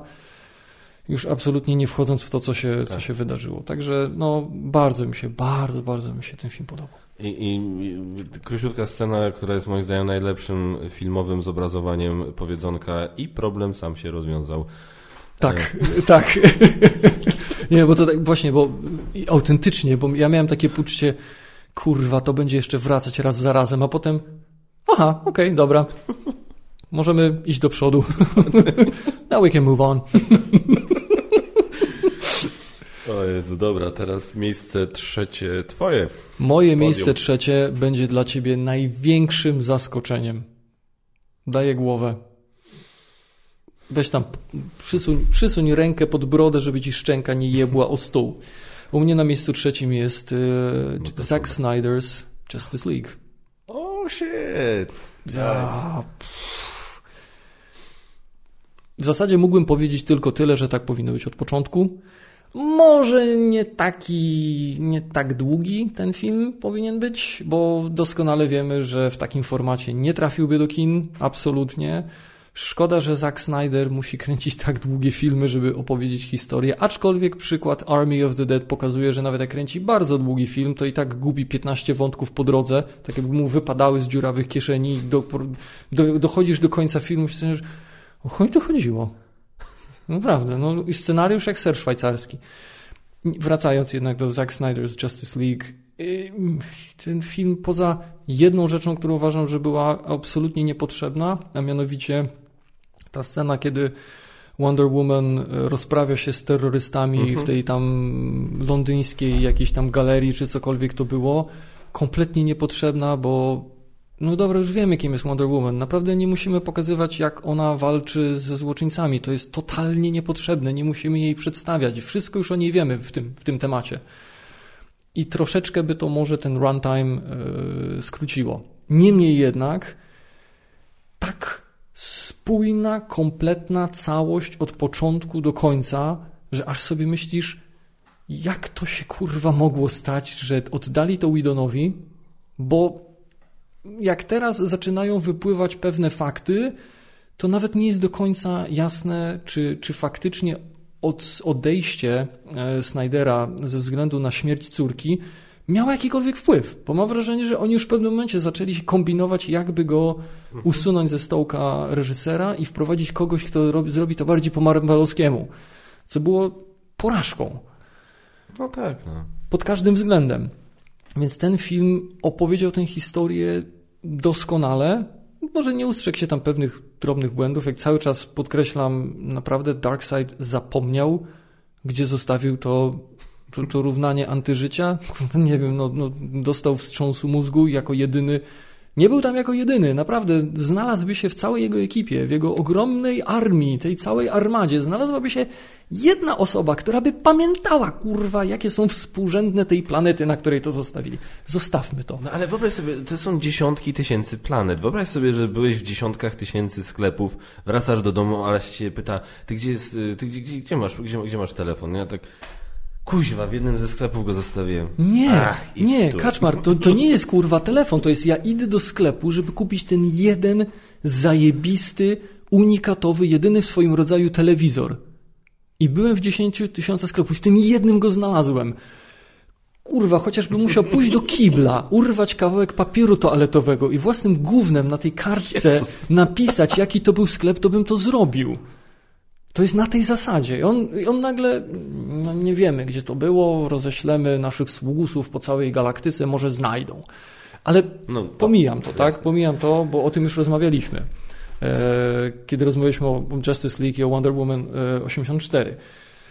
Ja się tak doskonale bawiłem przy tym filmie. Ja go oglądałem z zapartym tchem. To było tak spójne. I jeszcze dodatkowo właśnie miałem to poczucie, y, to, to porównanie już. Ta spierdolona wersja Widona i to, gdzie, to nagle zaczęło nabierać sensu. Cyborg.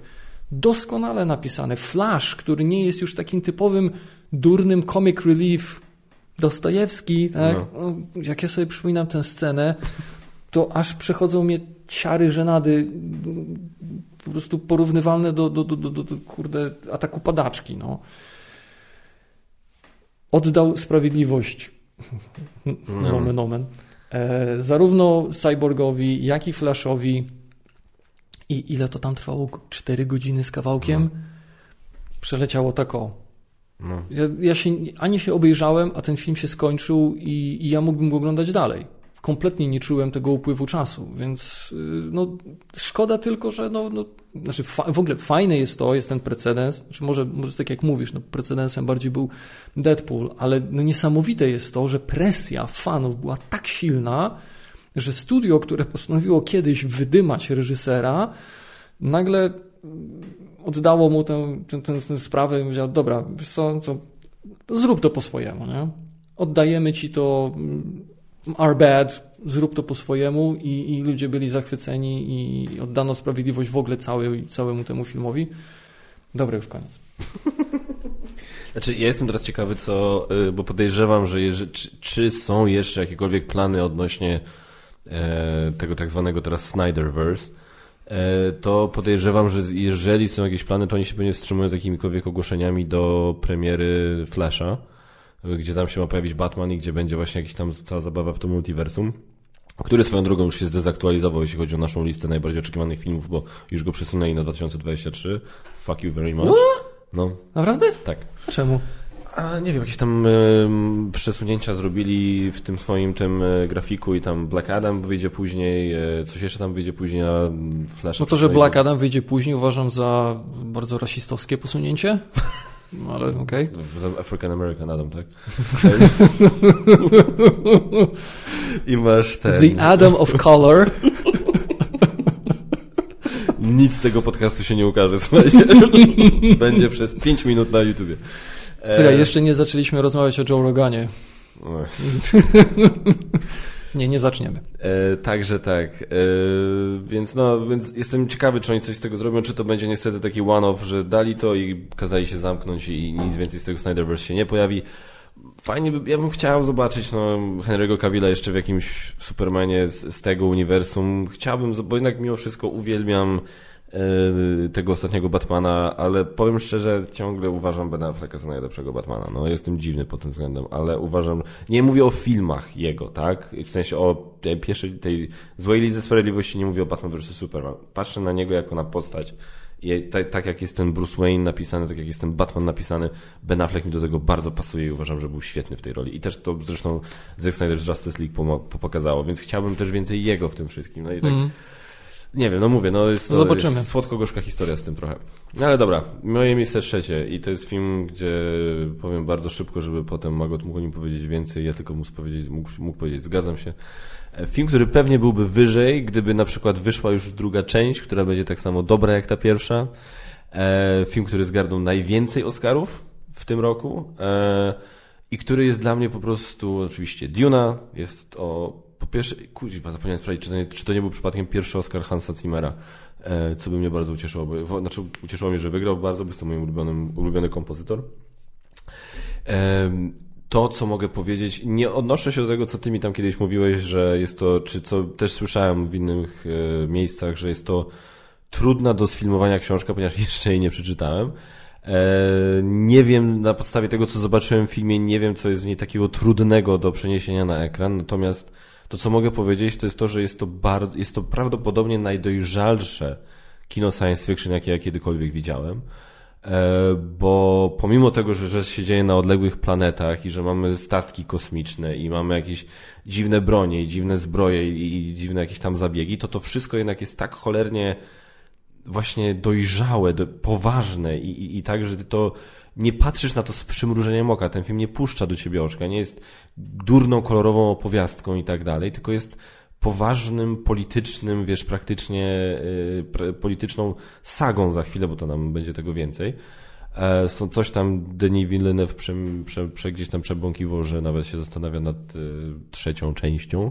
Mm, nad Mesjaszem. No, no. Y, więc jakby i, i to się tak dobrze oglądało i tak kuźwa, no, no nie mówię, no nie czytałem książki, ale no każdy aktor na tym ekranie, na ekranie sprawiał wrażenie doskonale dopasowanego. Nie było żadnego. Jason Momoa był świetnym Duncanem. E, Oscar Isaac, e, Rebecca Ferguson, Timothy Chalamet, Javier Bardem w roli, której, gdzie wiadomo będzie go więcej na, w drugiej części. Genialny był. No kurde, miał co? Miał dwie sceny tak de facto? No, no tak. No, i te, no ale to, po prostu ta pierwsza. I, i takie, takie gabinety. to było tak doskonałe. Wszystko, wszystko mi się w tym filmie Jedyne, co mi się w tym filmie nie podobało, to jest to, że to była pierwsza część, gdzie nie wiadomo jeszcze było, czy ta druga tak, tak. powstanie. Nie było to, to takie aż pewne. E, więc no, Duna, mój numer trzy. Mhm. numer dwa. U mnie numer dwa może być dla Ciebie zaskoczeniem, podejrzewam dla wszystkich zaskoczeniem, bo to będzie najbardziej kontrowersyjny wybór, podejrzewam, bo nie dość, że jest na liście, to że jeszcze jest tak wysoko. I tu od razu uprzedzam. Wynika to z bardzo prostego faktu, że telewizja polska dawno, dawno temu e, zrobiła coś bardzo fajnego, mianowicie. Co? E, dawno, dawno temu. Aha, okej. Okay. Mianowicie w ogóle jak ja byłem dzieckiem i, i, i zrobiła coś, co pozwoliło to zrobić bardzo taką... dawno temu. Ooh, I don't like that's a true thing. E, I tak zrobi, i, i, i e, zrobili coś, co pozwoliło mi i mojemu tacie i mojemu... E, mieliśmy taką małą tradycję ja z moim tatą i z moim bratem, gdzie od jakiegoś momentu co sobotę puszczali kolejnego Bonda. I myśmy oglądali przez ileś tam tygodni jednego po drugim, wszystkie, żeśmy Taki prawie... Uber maraton. Tak. I żeśmy praktycznie wszystkie Bondy chyba wtedy obejrzeli. I ja pokochałem tę postać. Mm. I, i, i, byłem z tą postacią od początku. I tak, wzloty i upadki, gorsze, lepsze filmy, ale zawsze za nim byłem i uważałem, że, i uważam, że Daniel Craig jest po Sean, po Seanie Connerem najlepszym Bondem. I na drugie miejsce jest u mnie No Time to Die, Nie Czas Umierać, bo uważam, że zamknął. No, no właśnie, no, ty jeszcze nie widziałeś, nie? Nie. Trudno mówić o tym, dlaczego mi się ten film tak podobał e, bez spoilerów, bo e, ja wiem, że dużo osób ma problemy z e, pewną ważną rzeczą a propos tego filmu, że to nie, że to nie powinno mieć miejsca, że to, to, to się tam nie powinno tak, tak a nie inaczej potoczyć. Że, ja się z tym nie zgodzę. Słyszałem jakieś głosy, że ten film zdradził trochę Bonda, że Bond nie jest w tym filmie jak Bond. Nie zgadzam się z tym absolutnie. E, oczywiście może dzieją się rzeczy, które nie działy się w poprzednich Bondach, ale to nie oznacza, że taki, że gdzieś kręgosłup tej postaci się zmienił. Uważam, że po prostu e, Hillary kiedyś powiedział coś bardzo fajnego na temat postaci House'a, którą grał.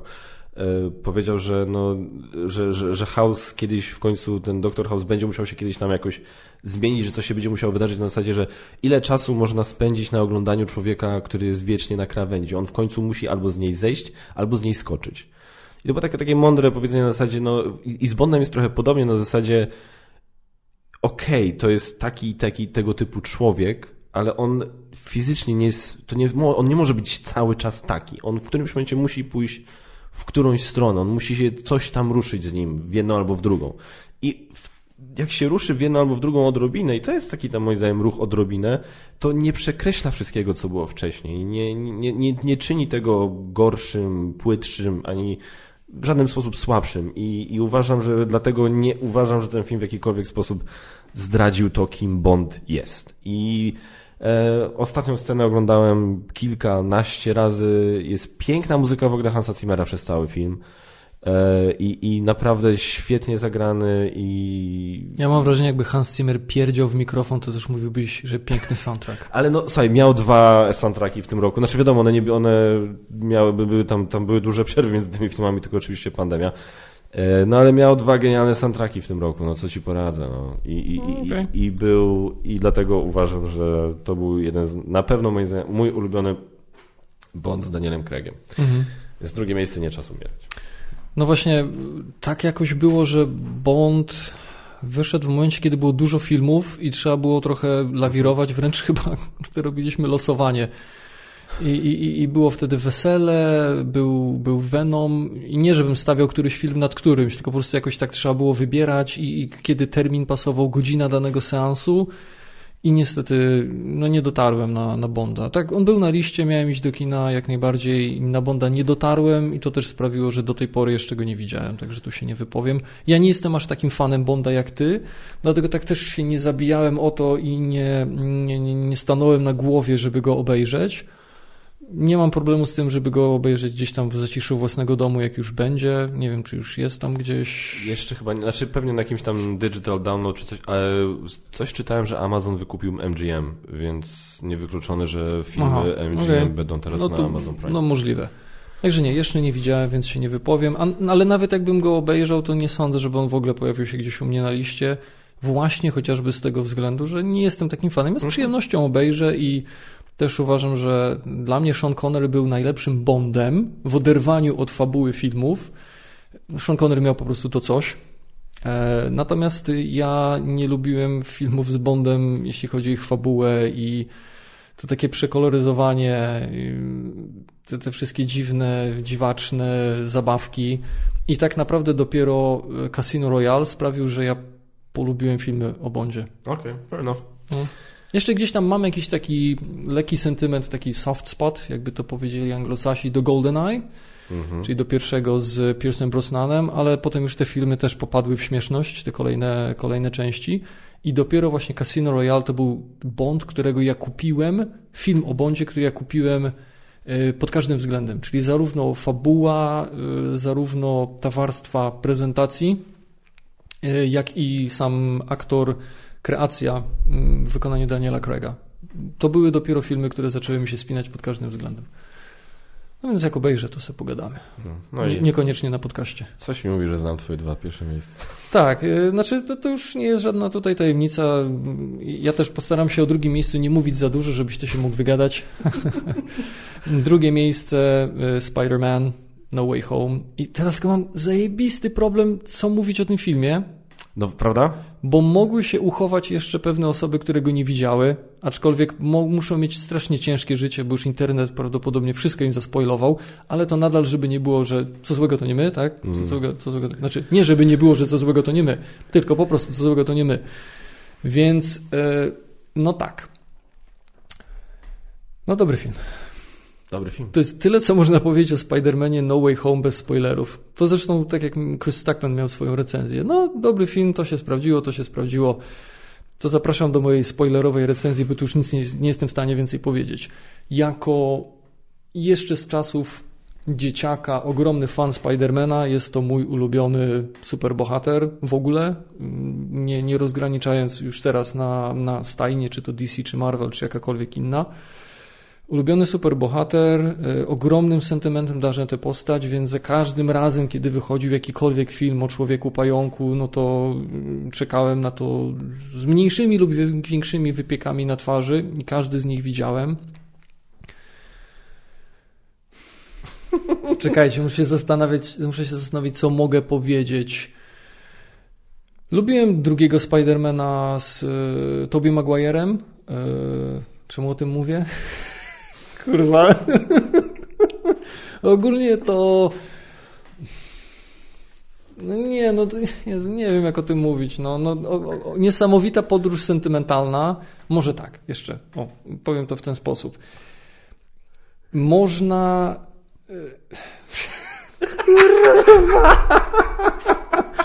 Generalnie można film nakręcić tak, że będzie żerował na na sentymentach, na słabości do pewnych postaci, do, do pewnych wątków i rzeczy i może, wydaje mi się, że jest pewna cienka granica, gdzie to granie na sentymentach zawładnie filmem. Ten film zajebiście gra na sentymentach. To jest taki kurwa fanservice, nie ma większego fanservice w, uważam, w uniwersum Marvela niż ten film. Chyba w historii kina, moim zdaniem. Być może nawet, bo scena końcowa z Endgame, ten, ta końcowa bitwa, to jest nic. Zero. To jest zero w porównaniu z tym, czym jest Spider-Man No Way Home. Ale nadal uważam, że zrobili to bardzo, bardzo umiejętnie. Trochę się obawiam, czy, czy ten, ten, ten wątek ten, ten motyw pewien, który tam jest. Znaczy, dobra, e, okej, okay, przepraszam. W trailerze jest Doktor Octopus. Jest Green Goblin. Jest Green jest Goblin. Elektro. Jest y, Elektro też? Elektro jest oczywiście. Jest, w trailerze? Aha. Jest znaczy, no z Green Goblina jest tylko bomba. Nie, jest, nie, nie, nie. Green Goblin jest na plakacie. A, no to jebać. E, to, tak, więc ja bardzo lubiłem drugiego Spidermana. No właśnie tak chciałem cię tutaj dać ci out, ale no. E, znaczy, ja nigdy, nigdy nie przekonałem się, przyznam szczerze, nigdy nie przekonałem się do Tobiego Maguire'a jako Spidermana. Może to będzie niepopularne, takie co teraz powiem, trochę kontrowersyjne, ale ja wolałem Andrew Garfielda w roli Petera Parkera. On mi bardziej pasował do mojego wyobrażenia Petera Parkera, którego znałem jeszcze z komiksów. Mm, ale no bardzo lubię drugą część Spidermana w reżyserii Sama Raimiego. Pierwszy, no The Amazing Spider-Man miał swoje problemy. He's Pierwszy... amazing. Co? He's amazing, yeah. He's amazing. E, pierwsza część była spoko, druga miała trochę za duży natłok czarnych charakterów, mm -hmm. ale nadal ja lubiłem te filmy, lubiłem Andrew Garfielda. Mm, no i, i, i więc było duże ryzyko, że, znaczy uważam, że jest duże ryzyko, że koncepcja multiversum e, będzie szła w tę stronę, że to tylko już będzie granie na emocjach, no bo jak mamy multiversum, no to teraz hulaj dusza, diabła nie ma, możemy sprowadzić każdego i widownia co chwilę będzie nie? Będą co chwilę takie reakcje, bo po prostu już bezmyślnie, tylko po to, żeby wywołać te reakcje emocjonalne, będziemy wrzucać kolejne postaci. Uważam, że takie ryzyko cały czas istnieje, ale w tym filmie zrobiono to naprawdę z wyczuciem. I ja powiem szczerze, bo ja nie byłem za bardzo, nie bywałem na premierach, bo ja nie lubię ludzi. Po prostu, jak jestem w tłumie, to mi się włącza taki trochę socjopata. Nie lubię i ja wolę, jak jest mniej ludzi na sali, wtedy mniej słyszę tego ciamkania, tego wpierdalania tego popcornu. Jak to powiedział kiedyś Ricky Gervais, ja, ja, jak siedzę na sali kinowej, to nie chcę słyszeć, jak ludzie się pasą, tak? I don't want to hear people grazing. Mm, więc, więc byłem, byliśmy na premierze razem i udzieliło mi się. Udzieliło tak. mi się kilka scen, że ja autentycznie darłem się i, i klaskałem. No, to, to jest taki film. To jest, to jest prawda, to jest taki film. To jest. E, I właśnie a propos pójścia na premierę, to jest ciekawe, bo... Dobra, to, jest u Ciebie na miejscu pierwszym, więc po prostu kontynuuj. Ale Ty nie mówisz jeszcze na miejscu swojego pierwszego... Aha, dobra. A no tak. To jest tak, u Ciebie na miejscu no to jest u, u Ciebie zostało pierwsze, więc róbmy te pierwsze, a potem wrócimy do mojego pierwszego. No dobra, no to u mnie tak, u mnie na miejscu pierwszym jest Spider-Man No Way Home. Tak samo ulubiony bohater z, mówię, jak, jak gdzieś tam podrosłem inaczej, bo jak ja, ja przestałem czytać komiksy gdzieś pod koniec podstawówki, E, I tak de facto do czytania komiksów jako takich nigdy nie wróciłem, natomiast bardzo polubiłem znowu filmy komiksowe pod koń tam na początku XXI wieku. Jak to brzmi. E, I, i, I wtedy z kolei moim ulubionym bohaterem został Batman. I, i, ale Spider-Man olbrzymi sentyment i się śmieję, że Spider-Man No Way Home jest filmem, na który nie wiedziałem, że czekałem 30 lat. Mm. I, i, i... Znaczy powiem Ci tak... Znaczy mi się marzy, kurde, jakiś, jakaś fajna płyta Blu-ray, gdzie na okładce będą no, e, ale... Znaczy, ja powiem tak, my, my bardzo, my naprawdę chcemy teraz być bardzo porządni, ale prawda jest, że prawdą jest, że jeśli już w trailerze masz Doka Oka i masz e, Green Goblina i masz Elektro, to możesz się spodziewać, co jeszcze dostaniesz w no pakiecie, tak. ale żeby nie było, my tego nie mówimy. No właśnie, ja nie wiem, czy ja tego nie powiem, bo kurde, oni, każdy, każdy z tych aktorów mówi w wywiadzie o tym. Masz największa beka, y, Sony na swoim kanale YouTube wypuściło pierwsze 10 minut Spidermana No Way Home. Kogo dali w miniaturce? No kogoś, Dobra. kto się pojawia w pierwszych 10 minutach. Jebać. Jak nie oglądaliście, to wasza sprawa. Teraz będą spoilery. Jak zobaczyłem Andrew Garfielda, darłem mordę. Jak głupi. Jak głupi. Aczkolwiek, co ciekawe, pierwszy raz, znaczy może nie wydarłem mordę, bo tak jak pokazali Charlie'ego Coxa, czyli Daredevila. Chociaż ja nie oglądałem serialu. A ja oglądałem i byłem, kurwa, to jest on. I, i, to, i właśnie... I'm, a, I'm a good lawyer. Ale i, i ten film zrobił tak, to tam było tyle ryzyka z tym filmem. Ja naprawdę nie chcę teraz mieć godzinnej recenzji spoilerowej No Way Home, ale ten film miał, tam było tyle ryzyka związanego ze wszystkim, ale uważam, że każda jedna decyzja podjęta przez scenarzystę, przez reżysera, przez aktorów była najlepszą możliwą decyzją w tym momencie. Fakt, że oni się pojawili w scenie z MJ i z Nedem, a nie w scenie tuż przed. Było genialne, bo to, co się wydarzyło przed, my musieliśmy, on, on Tom Holland potrzebował czasu, tak? Jego Peter Parker potrzebował czasu, my potrzebowaliśmy czasu, żeby to przeprocesować. Więc oni się pojawili w innej scenie, która mogła być humorystyczna, bo nie było jego, byli oni. Mhm. Była MJ, był Ned. To było cudowne, w swojej, genialny w swojej prostocie zabieg że oni zostali ściągnięci, ale nie na pojawienie się w ostatniej bitwie, mhm. tylko na. Oni się pojawiają w połowie filmu prawie. To, jest, mhm. to, jest, to, są, to są drugoplanowe role w tym filmie. Takie no.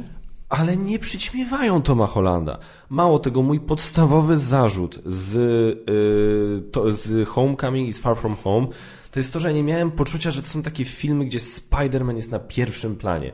Na, na w Homecoming miałem poczucie, że to jest taki Iron Boy, o którym słyszę, tam właśnie takie porównanie się mm -hmm, słyszałem. Mm -hmm. W tej drugiej części to on z kolei znowu chodził, choćbyś taki miotał pomiędzy Nick Fury, a pomiędzy Mysterio i też takie kurde w końcu, no, no nie wiesz, no żeby, chciałem, żeby się w końcu ogarnął, żeby on w końcu był tą gwiazdą. I dostałem film, gdzie on był gwiazdą. Byłem na tym filmie z kumplem, e, z Markiem. Marek, pozdrawiam ciebie. Gdzie on jest wielkim fanem Doktora Strange'a jako postaci. I była ta scena, gdzie Spider-Man się naparzał z Doktorem Strange'em i Doktor Strange po prostu tam wszystko to rozpierdzielał i, i, i Marek do mnie mówi to jest Doktor Strange, na którego czekałem, nie? Mm -hmm. I po chwili Spider-Man zrobił takie to wszystko przeliczył, puf, nie? I Doktor Strange taki zawieszony, a ja do mojego kumpla to jest Spider-Man, na którego ja czekałem. Bo właśnie to jest moment, w którym on się stał his own man, jak to mówią, nie? To jest w końcu dorósł. I to jest, mm -hmm. to jest, to było piękne i fakt, że i okej, okay, ten film jechał na fanservice, przyznaję. Ale słyszałem opinie na przykład takie, że jak odsuniesz sentyment, to ten film jest gówniany. Absolutnie się z tym nie zgadzam. Uważam, że jakbyś spojrzał na scenariusz w większości filmów Marvela, w ogóle filmów superbohaterskich, to masz, to jest główny bohater, to jest główny czarny charakter, ten czarny charakter chce zrobić coś złego, główny bohater musi go powstrzymać. I to jest jakby struktura praktycznie każdego filmu. Ale nie tego. W tym filmie chodzi o coś innego. W tym filmie chodzi główny bohater chce coś innego zrobić z czarnymi charakterami, niż ich powstrzymać. W pewnym momencie dla mnie on sam zaczął być czarnym charakterem i wkurwiał mnie na potęgę, ale tak, no rozumiem, dlaczego taki, tak to zostało napisane i dlaczego tak zostało, no, Dokładnie. dlaczego tak to było. I sama, końców, I sama końcówka, która tak de facto sprawiła, że ta cała trylogia to był origin story Spidermana, tak? I, i, W pewnym sensie tak. I mówię, no wszystko w tym filmie, właśnie ta scena I'm a very good lawyer, no że on nie chcieli zrobić, wiesz, nie chcieli wprowadzić Daredevila w kostiumie, no bo, no bo to już może byłoby za dużo, może, może wiesz, by się ludzie zastanawiali, no ale czemu tego, ale chcieli go dać, no mówi, no dobra, no ale skoro mamy go w scenie, no to nie może, nie może nic nie zrobić, nie może, nie może zasygnalizować, że on nie jest, tak? Więc musimy coś zrobić, żeby było jasne dla widowni, dla fanów, kto to jest. Nie? I koniec, i zostawiony temat, i było to zajebiste. I jak się ogląda tam jakieś analizy na YouTube, takie fajne właśnie detale, że na przykład właśnie, że on tą cegłę złapał, ale że Peter też miał już rękę podniesioną, więc też już był gotowy złapać. Nie? Więc no, jedyna głupota w tym filmie, no to jest faktycznie, że ten fakt, że Strange musiał, kurwa, być zostawiony na szczycie Mount Everestu, żeby w końcu wydobyć z siebie tą zdolność otwierania portali, a Ned zrobił to tak. Wiesz, no można do Jest tego podejść to- tak, że, ne, że, że, że Strange był bardzo sceptyczny, był arogancki, mm, nie otworzył się na tyle, na ile mm, przedwieczna mu tłumaczyła, a Ned y, zrobił to z czystych emocji, y, jak że gdzieś tam w rodzinie była jakaś smykałka w genach, no to, no to, to już tam, wiesz, to już jest takie trochę czepialstwo, wydaje mi się. Y, Useless Trivia w komiksach postać, która się nazywa Ned, tak jak się ten Ned nazywa, została hobgoblinem. Więc y, scena, w której Ned mówi do niego, że Tak. nie, nie będę próbował się zabić, jest... No tak, tak, tak. No i Andrew Garfield, powiem szczerze, no Redemption Story Andrew Garfielda w tym filmie było po prostu zajebiste. Tak. No. No znowu trochę płakał, ale, ale ła. No, no ja, ja też na tej scenie trochę płakałem, być szczery, to było tak, troszkę się tam wzruszyłem, no bo to było bardzo, bardzo potrzebne. Tobi potrzebował tego, y, tego, tego filmu, żebyśmy mogli zapomnieć o tym jego kurwa jebanym tańcu. Andrew Garfield potrzebował tego filmu, bo nawet nie dostał trzeciego filmu swojego Mhm. i, i, i to było i, i to było tak wszystko ładnie tego, no a Willem Dafoe kuźwa, jak, jak on, nie no, wszystko, każdy jego właśnie ponownie, każdy jego wybór, to, że wiesz, ten go naparzał, ten się zaczął śmiać, co mi się trochę skojarzyło z Dark Knight, jak Batman naparzał Jokera. E, Nawet taki głup, taka głupota, jak on to ostrze wysunął i, i Peter Parker się na niego spojrzał, on to ostrze wysunął i zrobił takie no, no to on tak po prostu z niego, on wiesz, on go tak podjudzał, Mhm. jak wiesz, jak właśnie, jak on do niego mówi, że jest to kill myself, on tak, ale boy. No, uwielbiam takie postaci i Willem Dafoe totalnie, totalnie to rozjebał, więc no, mój numer jeden. No, na ża- żaden film po prostu nie wzbudził we mnie takich emocji, na żadnym filmie nie byłem trzy razy, kurwa, w kinie w tym roku, no, a na tym tak. No, tyle. Dobra. Ochłoń, oddychaj, oddychaj, oddychaj. Bo już tam klapiesz tu w, w ręcamy w uda, drzesz się do mikrofonu. Już, będę- już będę grzeczny, no. Teraz mów, Dobrze, a jak to bardzo czekasz na drugą część. weź tu polej trochę. Żeby nie było, to jest woda. Tak, tak, tak, tak. tak. A moje, mimo że wyglądało jak piwo, to nie było, to była yerbata. Żebym nie zasnął tutaj, no ale zrobiło się emocjonalnie, żywiołowo. Absolutnie. I zimno w ogóle. Jest zimno. No dobra, to żadna, żadna też tajemnica u mnie na pierwszym miejscu jest Duna. Pytasz, jak trudny jest to materiał do, do ekranizacji. Zajebiście, bo Duna jako książka, zresztą wszystko, znaczy ja przeczytałem tylko to, co napisał Frank Herbert, czyli te sześć tomów. Tylko nie pamiętam, czy on. Ostatnią część to chyba kończył już jego syn, jakoś tak. Yy, No w każdym razie, mm, skupmy się na, na pierwszym tomie, czyli na Dune. To nie jest. To jest klasyka gatunku, oczywiście, ale to nie jest efekciarskie sci-fi, nawet literacko, nawet na, na, na, w formie pisanej. To jest. To jest polityka, to, jest, to są intrygi, to jest duża doza mistycyzmu, to są polityczne układy, więc to nie jest, to nie jest efekt, to, to się nie może przełożyć na efekciarski film. I gdyby zrobiono z tego, gdyby, nie chcę powiedzieć, że ktokolwiek inny, ale gdyby ktoś z mniejszym wyczuciem, z odrobiny chociażby mniejszym talentem niż ten, którym dysponuje Denis Villeneuve, by się za to wziął, mógłby zrobić z tego, mógłby to bardzo spłycić, uważam. A ja nie mogę powiedzieć, że widziałem w życiu nie wiadomo ile adaptacji książek, które faktycznie przeczytałem. E, no, 1984 widziałem, bardzo fajna adaptacja, tak, nie wiem co tam, Wiedźmin odjechał trochę, mm, Wojna Światów, e, kojarzę tę Spielbergowską tylko, mm, tylko, no, dlatego nie mogę, znaczy no, Władca, Władca Pierścieni uważam, że naprawdę nieźle, Hobbit No, e, Kinga, którego adaptacji jest chyba najwięcej, nigdy nie czytałem, przyznaję bez bicia. Także nie mam takiego doświadczenia, żeby móc powiedzieć e, z pełną odpowiedzialnością, że to jest najlepsza adaptacja książki e, w ogóle. Czy najlepsza adaptacja książki, jaką ja widziałem? Śmiem twierdzić, że tak. Aczkolwiek jak bardzo dziwaczny nie byłby ten film, to Wojna Polsko-Ruska, film oparty o książkę Masłowskiej, był uważam dosyć wierny, jeśli chodzi o Tak słyszałem, widziałem tylko oryginał. Film, nie, nie czytałem książki. Dawaj te kole. Dawaj urwo babilońska. No, w każdym razie, y, natomiast uważam, że jest to niesamowicie, jest to niesamowita adaptacja książki, zrobiona kurzewsko umiejętnie. Bo próbował już brać się za to David Lynch. Znaczy próbował, no nakręcił film i nope. Mm-mm. Nie, nigdy, nigdy tego filmu nie lubiłem. Uważam, że ma mało rzeczy, które można by ocenić pozytywnie. Mm, tak, dawno już tego filmu nie widziałem. Widziałem go kilka razy. Mm, trochę chyba były to jakieś przejawy masochizmu z mojej strony. Najjaśniejsze punkty z filmu, e, trzy najjaśniejsze punkty z filmu Lyncha, jakie kojarzę, to jest to, jak wyglądały czerwie co mi się akurat podobało. Mm, Lady Jessica, nie pamiętam aktorki, która grała Lady Jessica i Gurney Halleck, którego grał e, Sir Patrick Stewart. Cała nie. reszta szajs. Nie, przepraszam. Jeszcze Baron Harkonnen w filmie Lyncha też był spoko. Podobał mi się, podobała mi się ta kreacja, podobało mi się to, jak został pokazany. Był odrażający, trochę inaczej niż e, Stellan Skarsgård. Skarsgård w tym filmie, ale to mi się jeszcze podobało. Cała reszta uważam, że kurwa dno totalne.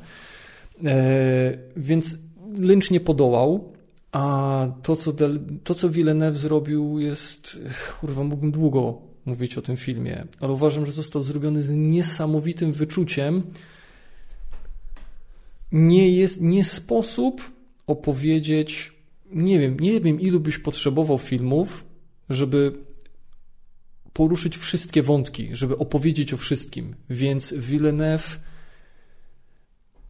tak dobrał, tak opowiedział tę historię, że pewne rzeczy, które nie są kluczowe, gdzieś tam opuścił, tak? I, i, i na przykład dużo, to co, to co jest u Lyncha, to jest to, że mnóstwo jest y, takiego voice-over, kiedy ludzie coś myślą. Bo tam w Dune no, no jest, jest, jest dużo tam jakichś przemyśleń, nieprzemyśleń, tak, jest dużo tych dialogów takich wewnętrznych i Lynch to pokazał. Znaczy Lynch po prostu to zwerbalizował i, i ludzie słychać ich myśli.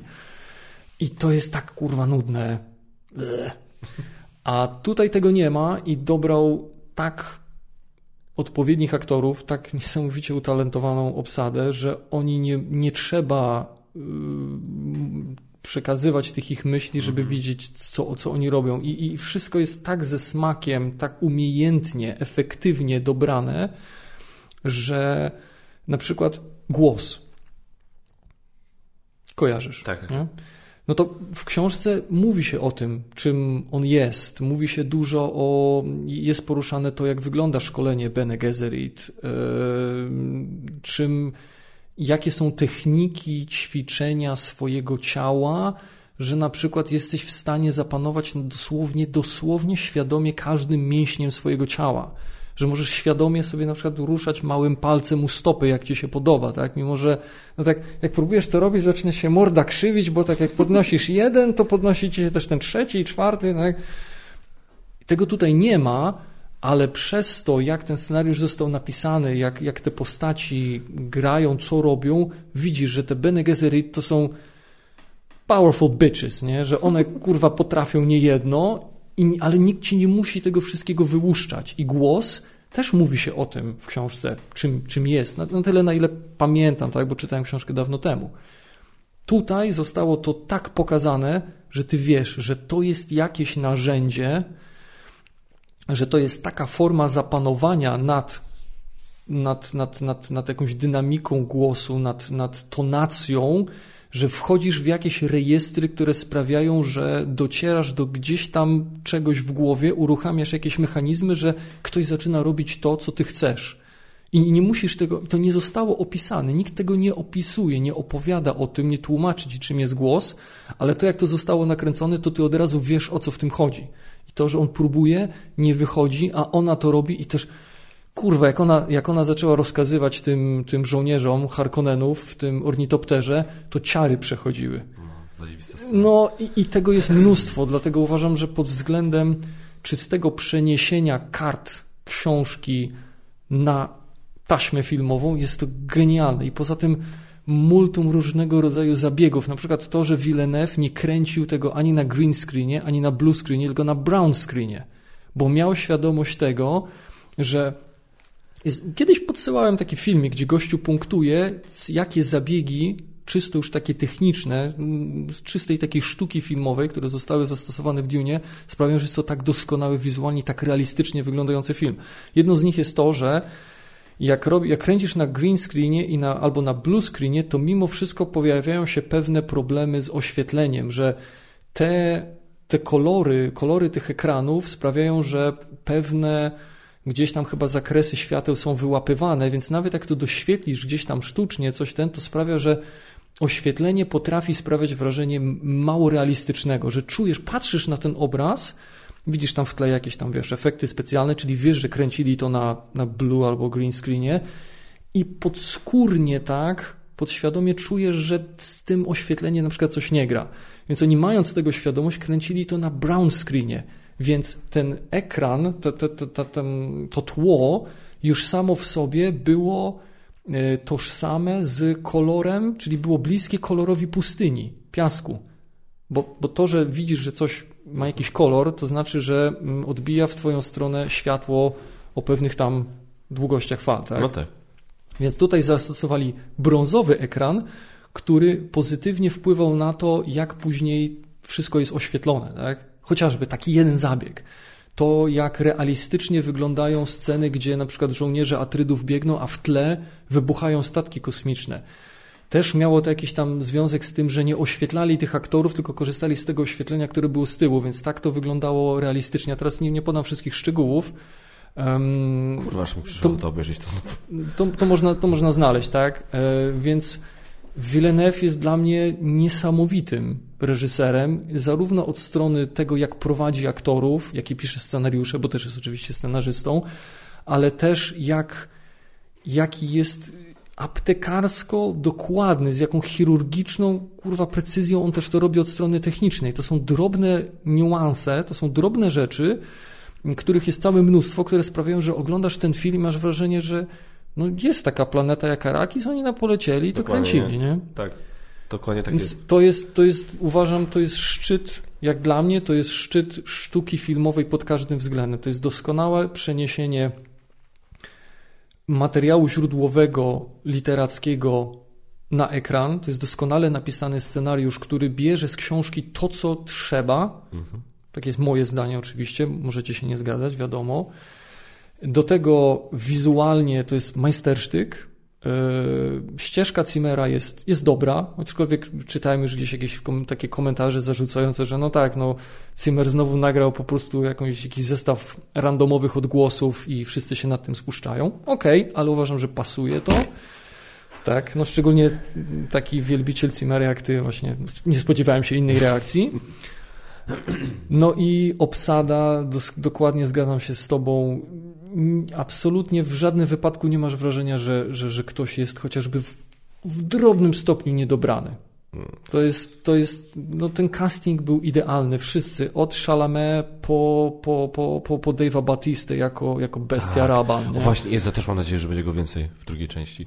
No, może być trochę więcej, aczkolwiek też pojawi się Fate. Yy, bratanek chyba, barona Harkonnena którego u Lyncha grał Sting i popierdalał w jakichś takich dziwnych, czarnych shortach. Ja, to tam wszyscy popierdalali w czymś dziwnym. Nie? Z tego, co słyszałem, są, są pogłoski, że Florence Pugh ma grać Tak. księżniczkę Irulanę, że stara się o tę rolę. Yy, Też coś tam słyszałem. A, właśnie, że Fejda ma podobno grać, Jezus, nie pamiętam nazwiska, ten aktor, który grał yy, Texa w Once Upon a Time in Hollywood i będzie grał Elvisa teraz w nowym A, filmie okej. tam z Tomem Hanksem. Nie pamiętam, jak ten chłopak się nazywa, i, ale jeszcze nic nie wiem na temat, no bo musi się pojawić też yy, cesarz Shaddam któryś tam, yy, więc nie wiem, kto miałby jego grać. Ale jeśli chodzi o tych aktorów, którzy, których już widzieliśmy, no w ogóle wiesz, ta, ta lista płac yy, to jest imponująca, ale każdy zagrał no niesamowicie, no kurwa, no, no nawet no nie będę już teraz wymieniał, tak? No nie, Każdy, to jest- każdy był doskonały. Jakby idealnie no, stworzony do, tych, do tej roli. Dlatego no, ja wiem, że może to teraz brzmi, że ja już tak po prostu mm, e, tak się rozpływam w zachwytach, nie widzę tutaj żadnych, żadnych minusów, ale no jak, jak dla, jak, oczywiście, gdybym miał się teraz czepiać, no to w każdym filmie można coś znaleźć, tak? Ale, ale ogólnie ja nie mam się w tym filmie do czego przyczepić. To jest taka Duna, na jaką czekałem. Jest, jest to genialne, epickie, doskonałe, dojrzałe, tak jak powiedziałeś, e, science fiction. I, I ten film doskonale uważam oddaje to, czym, czym jest książka. Ja te- Na tyle, na ile może, oczywiście. Ja tak sobie myślałem właśnie a propos tego, co mówiłeś e, a propos aptekarskiej precyzji Denis Villeneuve. e, Ja zawsze mam takie skojarzenie, jak patrzyłem, ma- mam tak jak patrzę na filmy Denis Villeneuve i mam tak jak patrzę na filmy Nolana. Na zasadzie sobie się zastanawiam tak z, no, z punktu widzenia osoby, która mówię, no gdzieś tam na planach filmowych była i, i, i próbowała być aktorem i tak dalej, to sobie zastanawiam, kuźwa, ile czasu musi im zająć przygotowanie ujęcia? Albo ile dubli im zajmuje? Mhm. Bo, bo, bo właśnie oglądając to masz poczucie, no, to, to, to, to musi być perfekcyjne. To jest na zasadzie jak, y, jak ten, jak, przepraszam najmocniej, jak Nolan y, kręcił Incepcję i kręcił tą scenę w korytarzu. To Mhm, on to mhm. kręcił no, w takim Wiem. wielkim hangarze, wiesz, to Tak, zbudowali. tak, tak, tak, tak. I, I kwestia była tego, że to wielkie bydle, ta, ta, ta konstrukcja, jak się obracała, musiała się obracać idealnie. Ona nie mogła mieć sekundy, w której by zrobiła jakieś takie kumasz. Mhm, mhm. Ona musiała być turbopłynna, żeby ta scena zagrała, nie?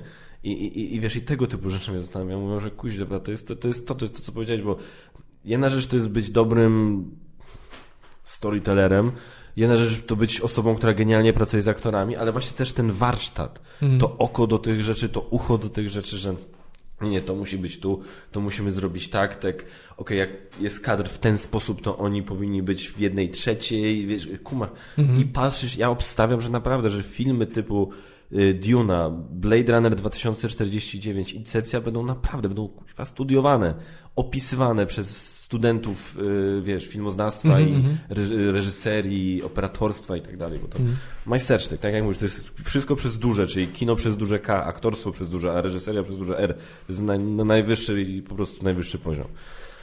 No, także Dune jak tylko wjeżdża na, na Blu-raya y, tego 4K, to dziękuję, shut up and take my money. No więc właśnie. A teraz mówię, serio mi przyszła ochota to obejrzeć sobie jeszcze raz. A jak sobie obejrzę jeszcze raz, to pewnie tak samo jak po wyjściu z kina przyjdzie mi ochota zagrać w Dune Imperium. I mamy planszówki, słuchaj. Tak. Byłem lekko zaskoczony, znaczy byłem zaskoczony, nie że byłem zszokowany, y, byłem zaskoczony, no bo tak jak wiemy, mi ta gra jakoś niespecjalnie podeszła. Nie jest zła, tylko po prostu uznałem, że, że jest nie dla mnie i jak dla mnie próbuję łączyć za dużo elementów, co w niej nie wyszło. Ale byłem lekko zaskoczony. Nie sądziłem, że ta gra będzie aż tak się ludziom podobać, że, że wygra w, w Grand Prix. No cóż, no. Ja, ja powiem tak, ja, nic, ja nie głosowałem, e, znaczy nie, nie, Dlatego jestem czwarty. w ogóle, nie, w ogóle nie głosowałem, bo stwierdziłem, że kurde, no to nie ma sensu. No zagłosuję w, w jednej kategorii, tak? No zagłosuję na, na tego vloga, bo jeśli chodzi o to, jakie gry wychodzą, to jestem totalnie, wiesz, nigdzie. To ja, jak ty powiesz, że przyszła jakaś nowość i teraz ogrywamy, to to jest tyle, co ja mam kontaktu z, z nowościami wydawniczymi, a, a raczej gdzieś tam wracam sobie teraz do starszych tytułów. Jak trochę, trochę tam graliśmy ostatnio w, w Roll for the Galaxy, które zresztą kupiłem sobie na Steamie, więc grałem dużo więcej jeszcze sam na kompie. No, ale ostatnio, ponieważ y, na tej, na tej licytacji tam na rzecz Ukrainy y, w ten, y, wyłapałem odlotowy wyścig, nóweczkę, nówkę sztukę nieśmiganą, no to ostatnio wjechał na stół odlotowy wyścig i och, Matko Bosko, kochano, prawie zapomniałem, prawie, prawie, prawie zapomniałem, jak ta gra jest dobra, ale no doskonale się bawiłem i też zauważyłem, jak prosta ona jest w wytłumaczeniu osobie, która jeszcze w nią nie grała, jak prosta była do tego, żebym ją sobie przypomniał, chociaż już dawno w nią nie grałem i też jak szybka jest y, rozgrywka. Ja jakoś tak zapamiętałem jako dłuższą, a łącznie z tłumaczeniem zasad nowicjuszowi, który z tą grą do czynienia, no to uwinęliśmy się godzinkę? O. Godzinkę chyba półtorej max. No, sam może bym do niej wrócił. No, no, warto, warto, naprawdę. Przypomniałem sobie, za co tak bardzo lubiłem tę grę. Okej, okay. a coś tam w wynikach planszowego Grand Prix jakoś szczególnie oburzyło, czy... Nie, nie, wiesz co, no tak jak mówię, no o, dużo, o wielu rzeczach nie mam absolutnie żadnego pojęcia. Media społecznościowe nie, nie, nie, nie, nie, nie, śledzisz. nie śledzę, tak, nie followuję. z tymi anglicyzmami nie śledzę. Y, jeśli chodzi o blogi, czasami coś przeczytam u Angry Board Gamera, i, ale nie mam porównania, bo nie czytam innych. No. Tak? No, no bo Kamila gdzieś tam poznałem, y, Pozdrawiamy też, Kamil. E, I podobają mi się ich materiały, dlatego tam od czasu do czasu coś tam sobie przeczytam. E, no, czy jestem zaskoczony tym, że Gambit był na pierwszym miejscu? Nie i uważam, że mu się to należało jak psu Buda.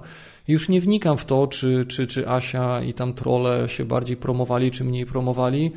Jakby nie było, znaczy ja uważam, że jeśli ktoś ma wierny fanbase i robi dobrą robotę, to nie musi się promować, żeby być na pierwszym miejscu. Więc jeśli, no offense to anyone, przepraszam, bez, bez urazy wobec kogokolwiek, ale jeśli ktoś musi się aktywnie promować, żeby wygrywać, no to tylko oznacza, że to grono fanów, które ma, nie jest za bardzo zaangażowane i nie Dokładnie jest jakoś tak. zbyt wierne. Dokładnie. Bo tak. gdyby, jeśli to trzeba promować, znaczy, że ci ludzie tak są tam od przypadku, a, a jeśli, jeśli masz takich ludzi wiernych, zaangażowanych, no to oni będą czekać na to Grand Prix, żeby pokazać całemu światu, w cudzysłowie, jak bardzo Ciebie darzą zaufaniem, szacunkiem, jak bardzo Ciebie lubią. I wydaje mi się, że tak było w przypadku Gambita.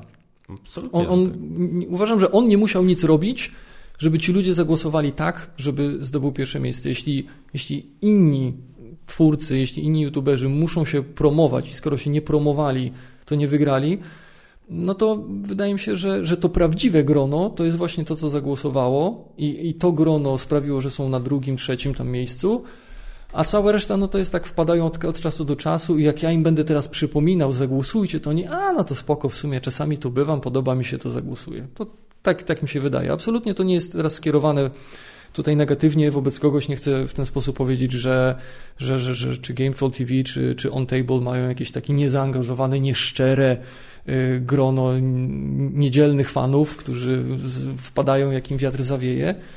Bardziej w taką stronę, że Gambit wokół siebie stworzył taki szczery, zaangażowany following, cult following. 100% tak, tak sektę. Y, taką sektę. Y, a też no, jest, jest ciekawą postacią, on fajnie opowiada, mimo że trzeba oglądać go na prędkości razy dwa. I też tak sobie ostatnio pomyślałem, że on to w sumie jakby chciał od czasu do czasu, jakby chciał na przykład kiedyś tak bardziej humorystycznie podejść do siebie albo zrobić taki, taki auto-roast, to mógłby powiedzieć Cześć, tu Tomek Dobosz z Gambit TV. Ja mówię wam, dlaczego daję zajebistym grom 4 na 10, żebyście wy mogli zastanawiać się, o chuj mi chodzi. E, no, ale w każdym razie on fajnie opowiada i no, on ma u niego, z mojej perspektywy, e, może, może się mylę, tak, bo, bo nie siedzę w tym na co dzień, ale no, on, on ma mnóstwo tytułów, które, których nie ma na pierwszych stronach planszówkowych gazet, w cudzysłowie. On tak ma dużo chyba tych tytułów, które albo się u nas nie ukazują, albo się ukażą za jakiś czas. Mam wrażenie, jak patrzę chociażby na te jego miniaturki, na jego i twoje, to tak no dobra, mainstream to to nie jest. To, Gambit to wyciąga z jakiegoś planszówkowego undergroundu. E, wiesz to podobnie jak Panda zresztą tak naprawdę, nie? Tylko, że Panda Kto? po prostu nie... Panda. Kto? To ten, to ten typ, co tam kiedyś wrzucał memy, a Tak. potem zapomniał, do czego służy Facebook? Yy, I teraz ten- tylko się Ten, co się zastąpił. przyczepia się jak, jak, jak guma, guma do podeszwy do innych youtuberów? A, okej, kumam. Ten nie recenzent. To nie recenzent, tak. E, Bardzo się broni rękami i nogami przed strasznie. tym, żeby go określać mianem ro- recenzenta. I robi to za każdym razem, jak recenzuje. Tak. No Jak, razie... jak otwierasz encyklopedię i znajdujesz termin hipokryzja, to tam jest zdjęcie pandy. E, W każdym razie Panda też ma talent właśnie do tego, że on, e, wiesz, ja on, on, on bardzo często robi, robi, robiliśmy tak, że on jak recenzowaliśmy jakąś grę, on już miał ją ograną, zanim ja dostałem polski egzemplarz, tak, bo właśnie też się bardzo, oni bardzo mocno śledzą po prostu wydawców tych tam jakichś tam swoich ulubionych e, zagranicznych. I jak tylko coś wychodzi, to nie czekają, tylko sobie tam sprowadzają i, i napierdzielają i potem właśnie no Gambit po prostu robi o tym materiał na Panda nie, no bo nie robi, nie, ale to jest właśnie... Bo nie jest recenzentem. Bo nie jest recenzentem. E, więc, e, więc nie, no słuchaj, to wszystko, co powiedziałeś o Gambicie, to, to też powtarzam przecież już od dawna i jakby no to jest, to, to jest, to jest szczera prawda, tak? I dlatego, dlatego podczas mojego podcastu z Gambitem powiedziałem, powiedziałem to, co powiedziałem, że Twoje y, 12 tysięcy jest- po- potrafi być bardziej wartościowe od, y, potrafi być wartościowsze od 20 tysięcy Asi, tak? Podobnie, z całym szacunkiem do Asia, nie mówię, że Asia nie zasługuje na, na, e, na to miejsce, czy nie zasługuje na, na, na te wyniki w plebiscytach i tak dalej, tylko że w pewnych momentach tak, takie właśnie zaangażowanie, jakie ma e, Gambit wśród swoich fanów, no po prostu procentuje, no, no i tyle. Mm. Więc tak, no, 2 godziny 45 minut. Będziesz to dzielił?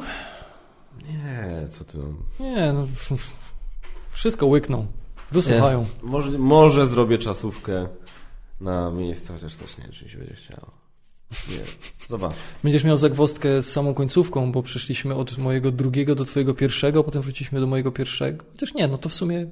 Nie, no dobra, nie, okej. nie, nie, miejsca było. Miejsca były obok siebie, tak, tak, tak. Tylko gdzieś tam ta kolejność się zaburzyła. No nic. Dobra. Ech, Jestem, znaczy jestem ciekaw, nie. Powiem szczerze, nie jestem ciekaw, walą mnie, jakie, wali mnie to, jakie będą komentarze, nawet nie będę ich czytał. Ale gdzieś tam podejrzewam, że, że y, chociażby przy okazji y, czy to dyskusji o, czy dyskusji, no o tym, jak rozmawialiśmy o Willu Smith, Willu Smithie? Smyfie. Smith, Smithie? Nie, Czy gdzieś tutaj moje przemówienie przy okazji e, filmu Don't Look Up, no, podejrzewam, że mogą być jakieś tam komentarze na zasadzie Tam mu coś, tam coś się... weź ty się, weź ty się zajmij lepiej tym, na czym się znasz, czyli pewnie na niczym, niż y, mówisz o rzeczach, na których się nie znasz. Ale skoro na niczym się nie znam, to znaczy, że mogę mówić o wszystkim. To jak ten, jak szafę nazwano lewatywą, to teraz ciebie podejrzewam. Być może, ale wiesz, no, lewatywy też są potrzebne czasami. Absolutnie. Jak, jak na przykład, od ciebie. jak, jak masz sobie zrobić, nie wiem, kolonoskopię czy coś, e, no to, to lewatywę musisz zrobić. Chociaż nie, do kolonoskopii to raczej się wypija dwa litry tego dziwnego czegoś, co przez chwilę wydaje ci się, nie, wszystko jest w porządku, a potem nagle się Cieszysz się, okazuje, że usiadłeś tam, gdzie usiadłeś. Cieszysz, cieszysz się, że piłeś to na kiblu. I tym pozytywnym akcentem. e, dobra, dzięki wielkie, e, Magot. E, Cała nieprzyjemność po mojej stronie. mam nadzieję, że następny podcast e, no, nie będziemy musieli czekać na rok. Biorąc pod uwagę, że to trwa 2 godziny 40 minut, na początku byłem gotowy Ci obiecać, że to będzie w tę niedzielę z Nie, naszego no punktu widzenia, ale biorąc pod uwagę długość nie wiem, natomiast mimo wszystko bym chciał, bo ostatnio staram się robić coś takiego, żeby nie wrzucać recenzji w niedzielę. E, Żeby, w tą niedzielę ostatnią akurat wrzuciłem, ale generalnie staram się Słabo się starasz. żeby, niedzielę, żeby, żeby w niedzielę dawać jakiś taki materiał właśnie nie recenzji, jakiś taki ciekawszy, jakąś topkę, jakiś podcast i tak dalej. E, jakieś live streamy i, i dlatego właśnie no nie mam nie recenzji na najbliższą niedzielę, więc właśnie bardzo bym chciał zrobić to, ale no mówię, czy, ta, czy te 2 godziny 45 mi się uda zmontować? Może, nie wiem. Powiem Ci tak, jeśli mm, przywiązujesz wagę do komentarzy, no to podejrzewam, że już tu nie wystąpię, chociaż może nie będzie tak źle, yy, Nie, no ale bez przesady też, no kurde. No. Czy To, wiesz, to, no też- to, to nie komentarze decydują o tym, czy kogo ja tutaj zapraszam, czy nie. nie? Nie. No tak, no bo w sumie się tu pojawiłem, to raczej nie ze względu na komentarze, nikt tam raczej nie wołał. O, dobra. Ja muszę obejrzeć swoje listy White Tiger i muszę z twojej listy obejrzeć e, Judas and the Black Messiah. No ja z twojej na pewno Nobody. No i Bond gdzieś tam przy okazji też na pewno. Big. Pig. Daj mu szansę, daj mu szansę. Tylko jak, jak mówisz pig, pig, to mi się cały czas kojarzy właśnie z filmem Judas and the Black Messiah, bo oni tam dużo mówią pig. Na policję. Na policję, No, tak. tak. no. Co Samuel L. Jackson był w Czarnych Panterach, nie? To Tak? Jest, to, tak, to jest taki Aha, w ogóle. I wiedziałem. czas temu widziałem wywiad z nim u Grahama Nortona, gdzie on opowiadał o swojej przeszłości z kolei jako cheerleader. I uważam, że to jest taka piękna po prostu... Samuel L. Motherfucking Jackson był Dokładnie. cheerleaderem. I jak był młody, i, jak, i był czarną panterą, jak był młody, więc to, te dwie rzeczy musiały, skumaj, te dwie rzeczy musiały być blisko siebie. Samuel L. Jackson jako czarna pantera i Samuel L. Jackson jako cheerleader. Okej, to ciekawe, no. Prawda? Ja, ja, ja słucham tego wywiadu mówię, w jaki sposób o nim jeszcze nie ma filmu? To jest on i Christopher Lee. Oni, o tych gościach powinny być filmy, no. no. Kurwa. Dobra, słuchajcie, dzięki wielkie. Piszcie w komentarzach, jakie filmy wam się podobały, jak bardzo wam się podobał powrót Magota. E, Może o tym nie piszcie. E, mam nadzieję, że mam nadzieję, że nie oglądaliście, nie słuchaliście tego przy dzieciach. E, no, i, no i tyle, słuchajcie. Co was zaskoczyło, co was nie zaskoczyło, Magot? Dzięki, że wpadłeś. Dziękuję za zaproszenie, Tyle. dziękuję za uwagę. Co złego to nie my. Tak jest, jak zawsze. Trzymajcie się i do usłyszenia następnym razem. Hej! Hej!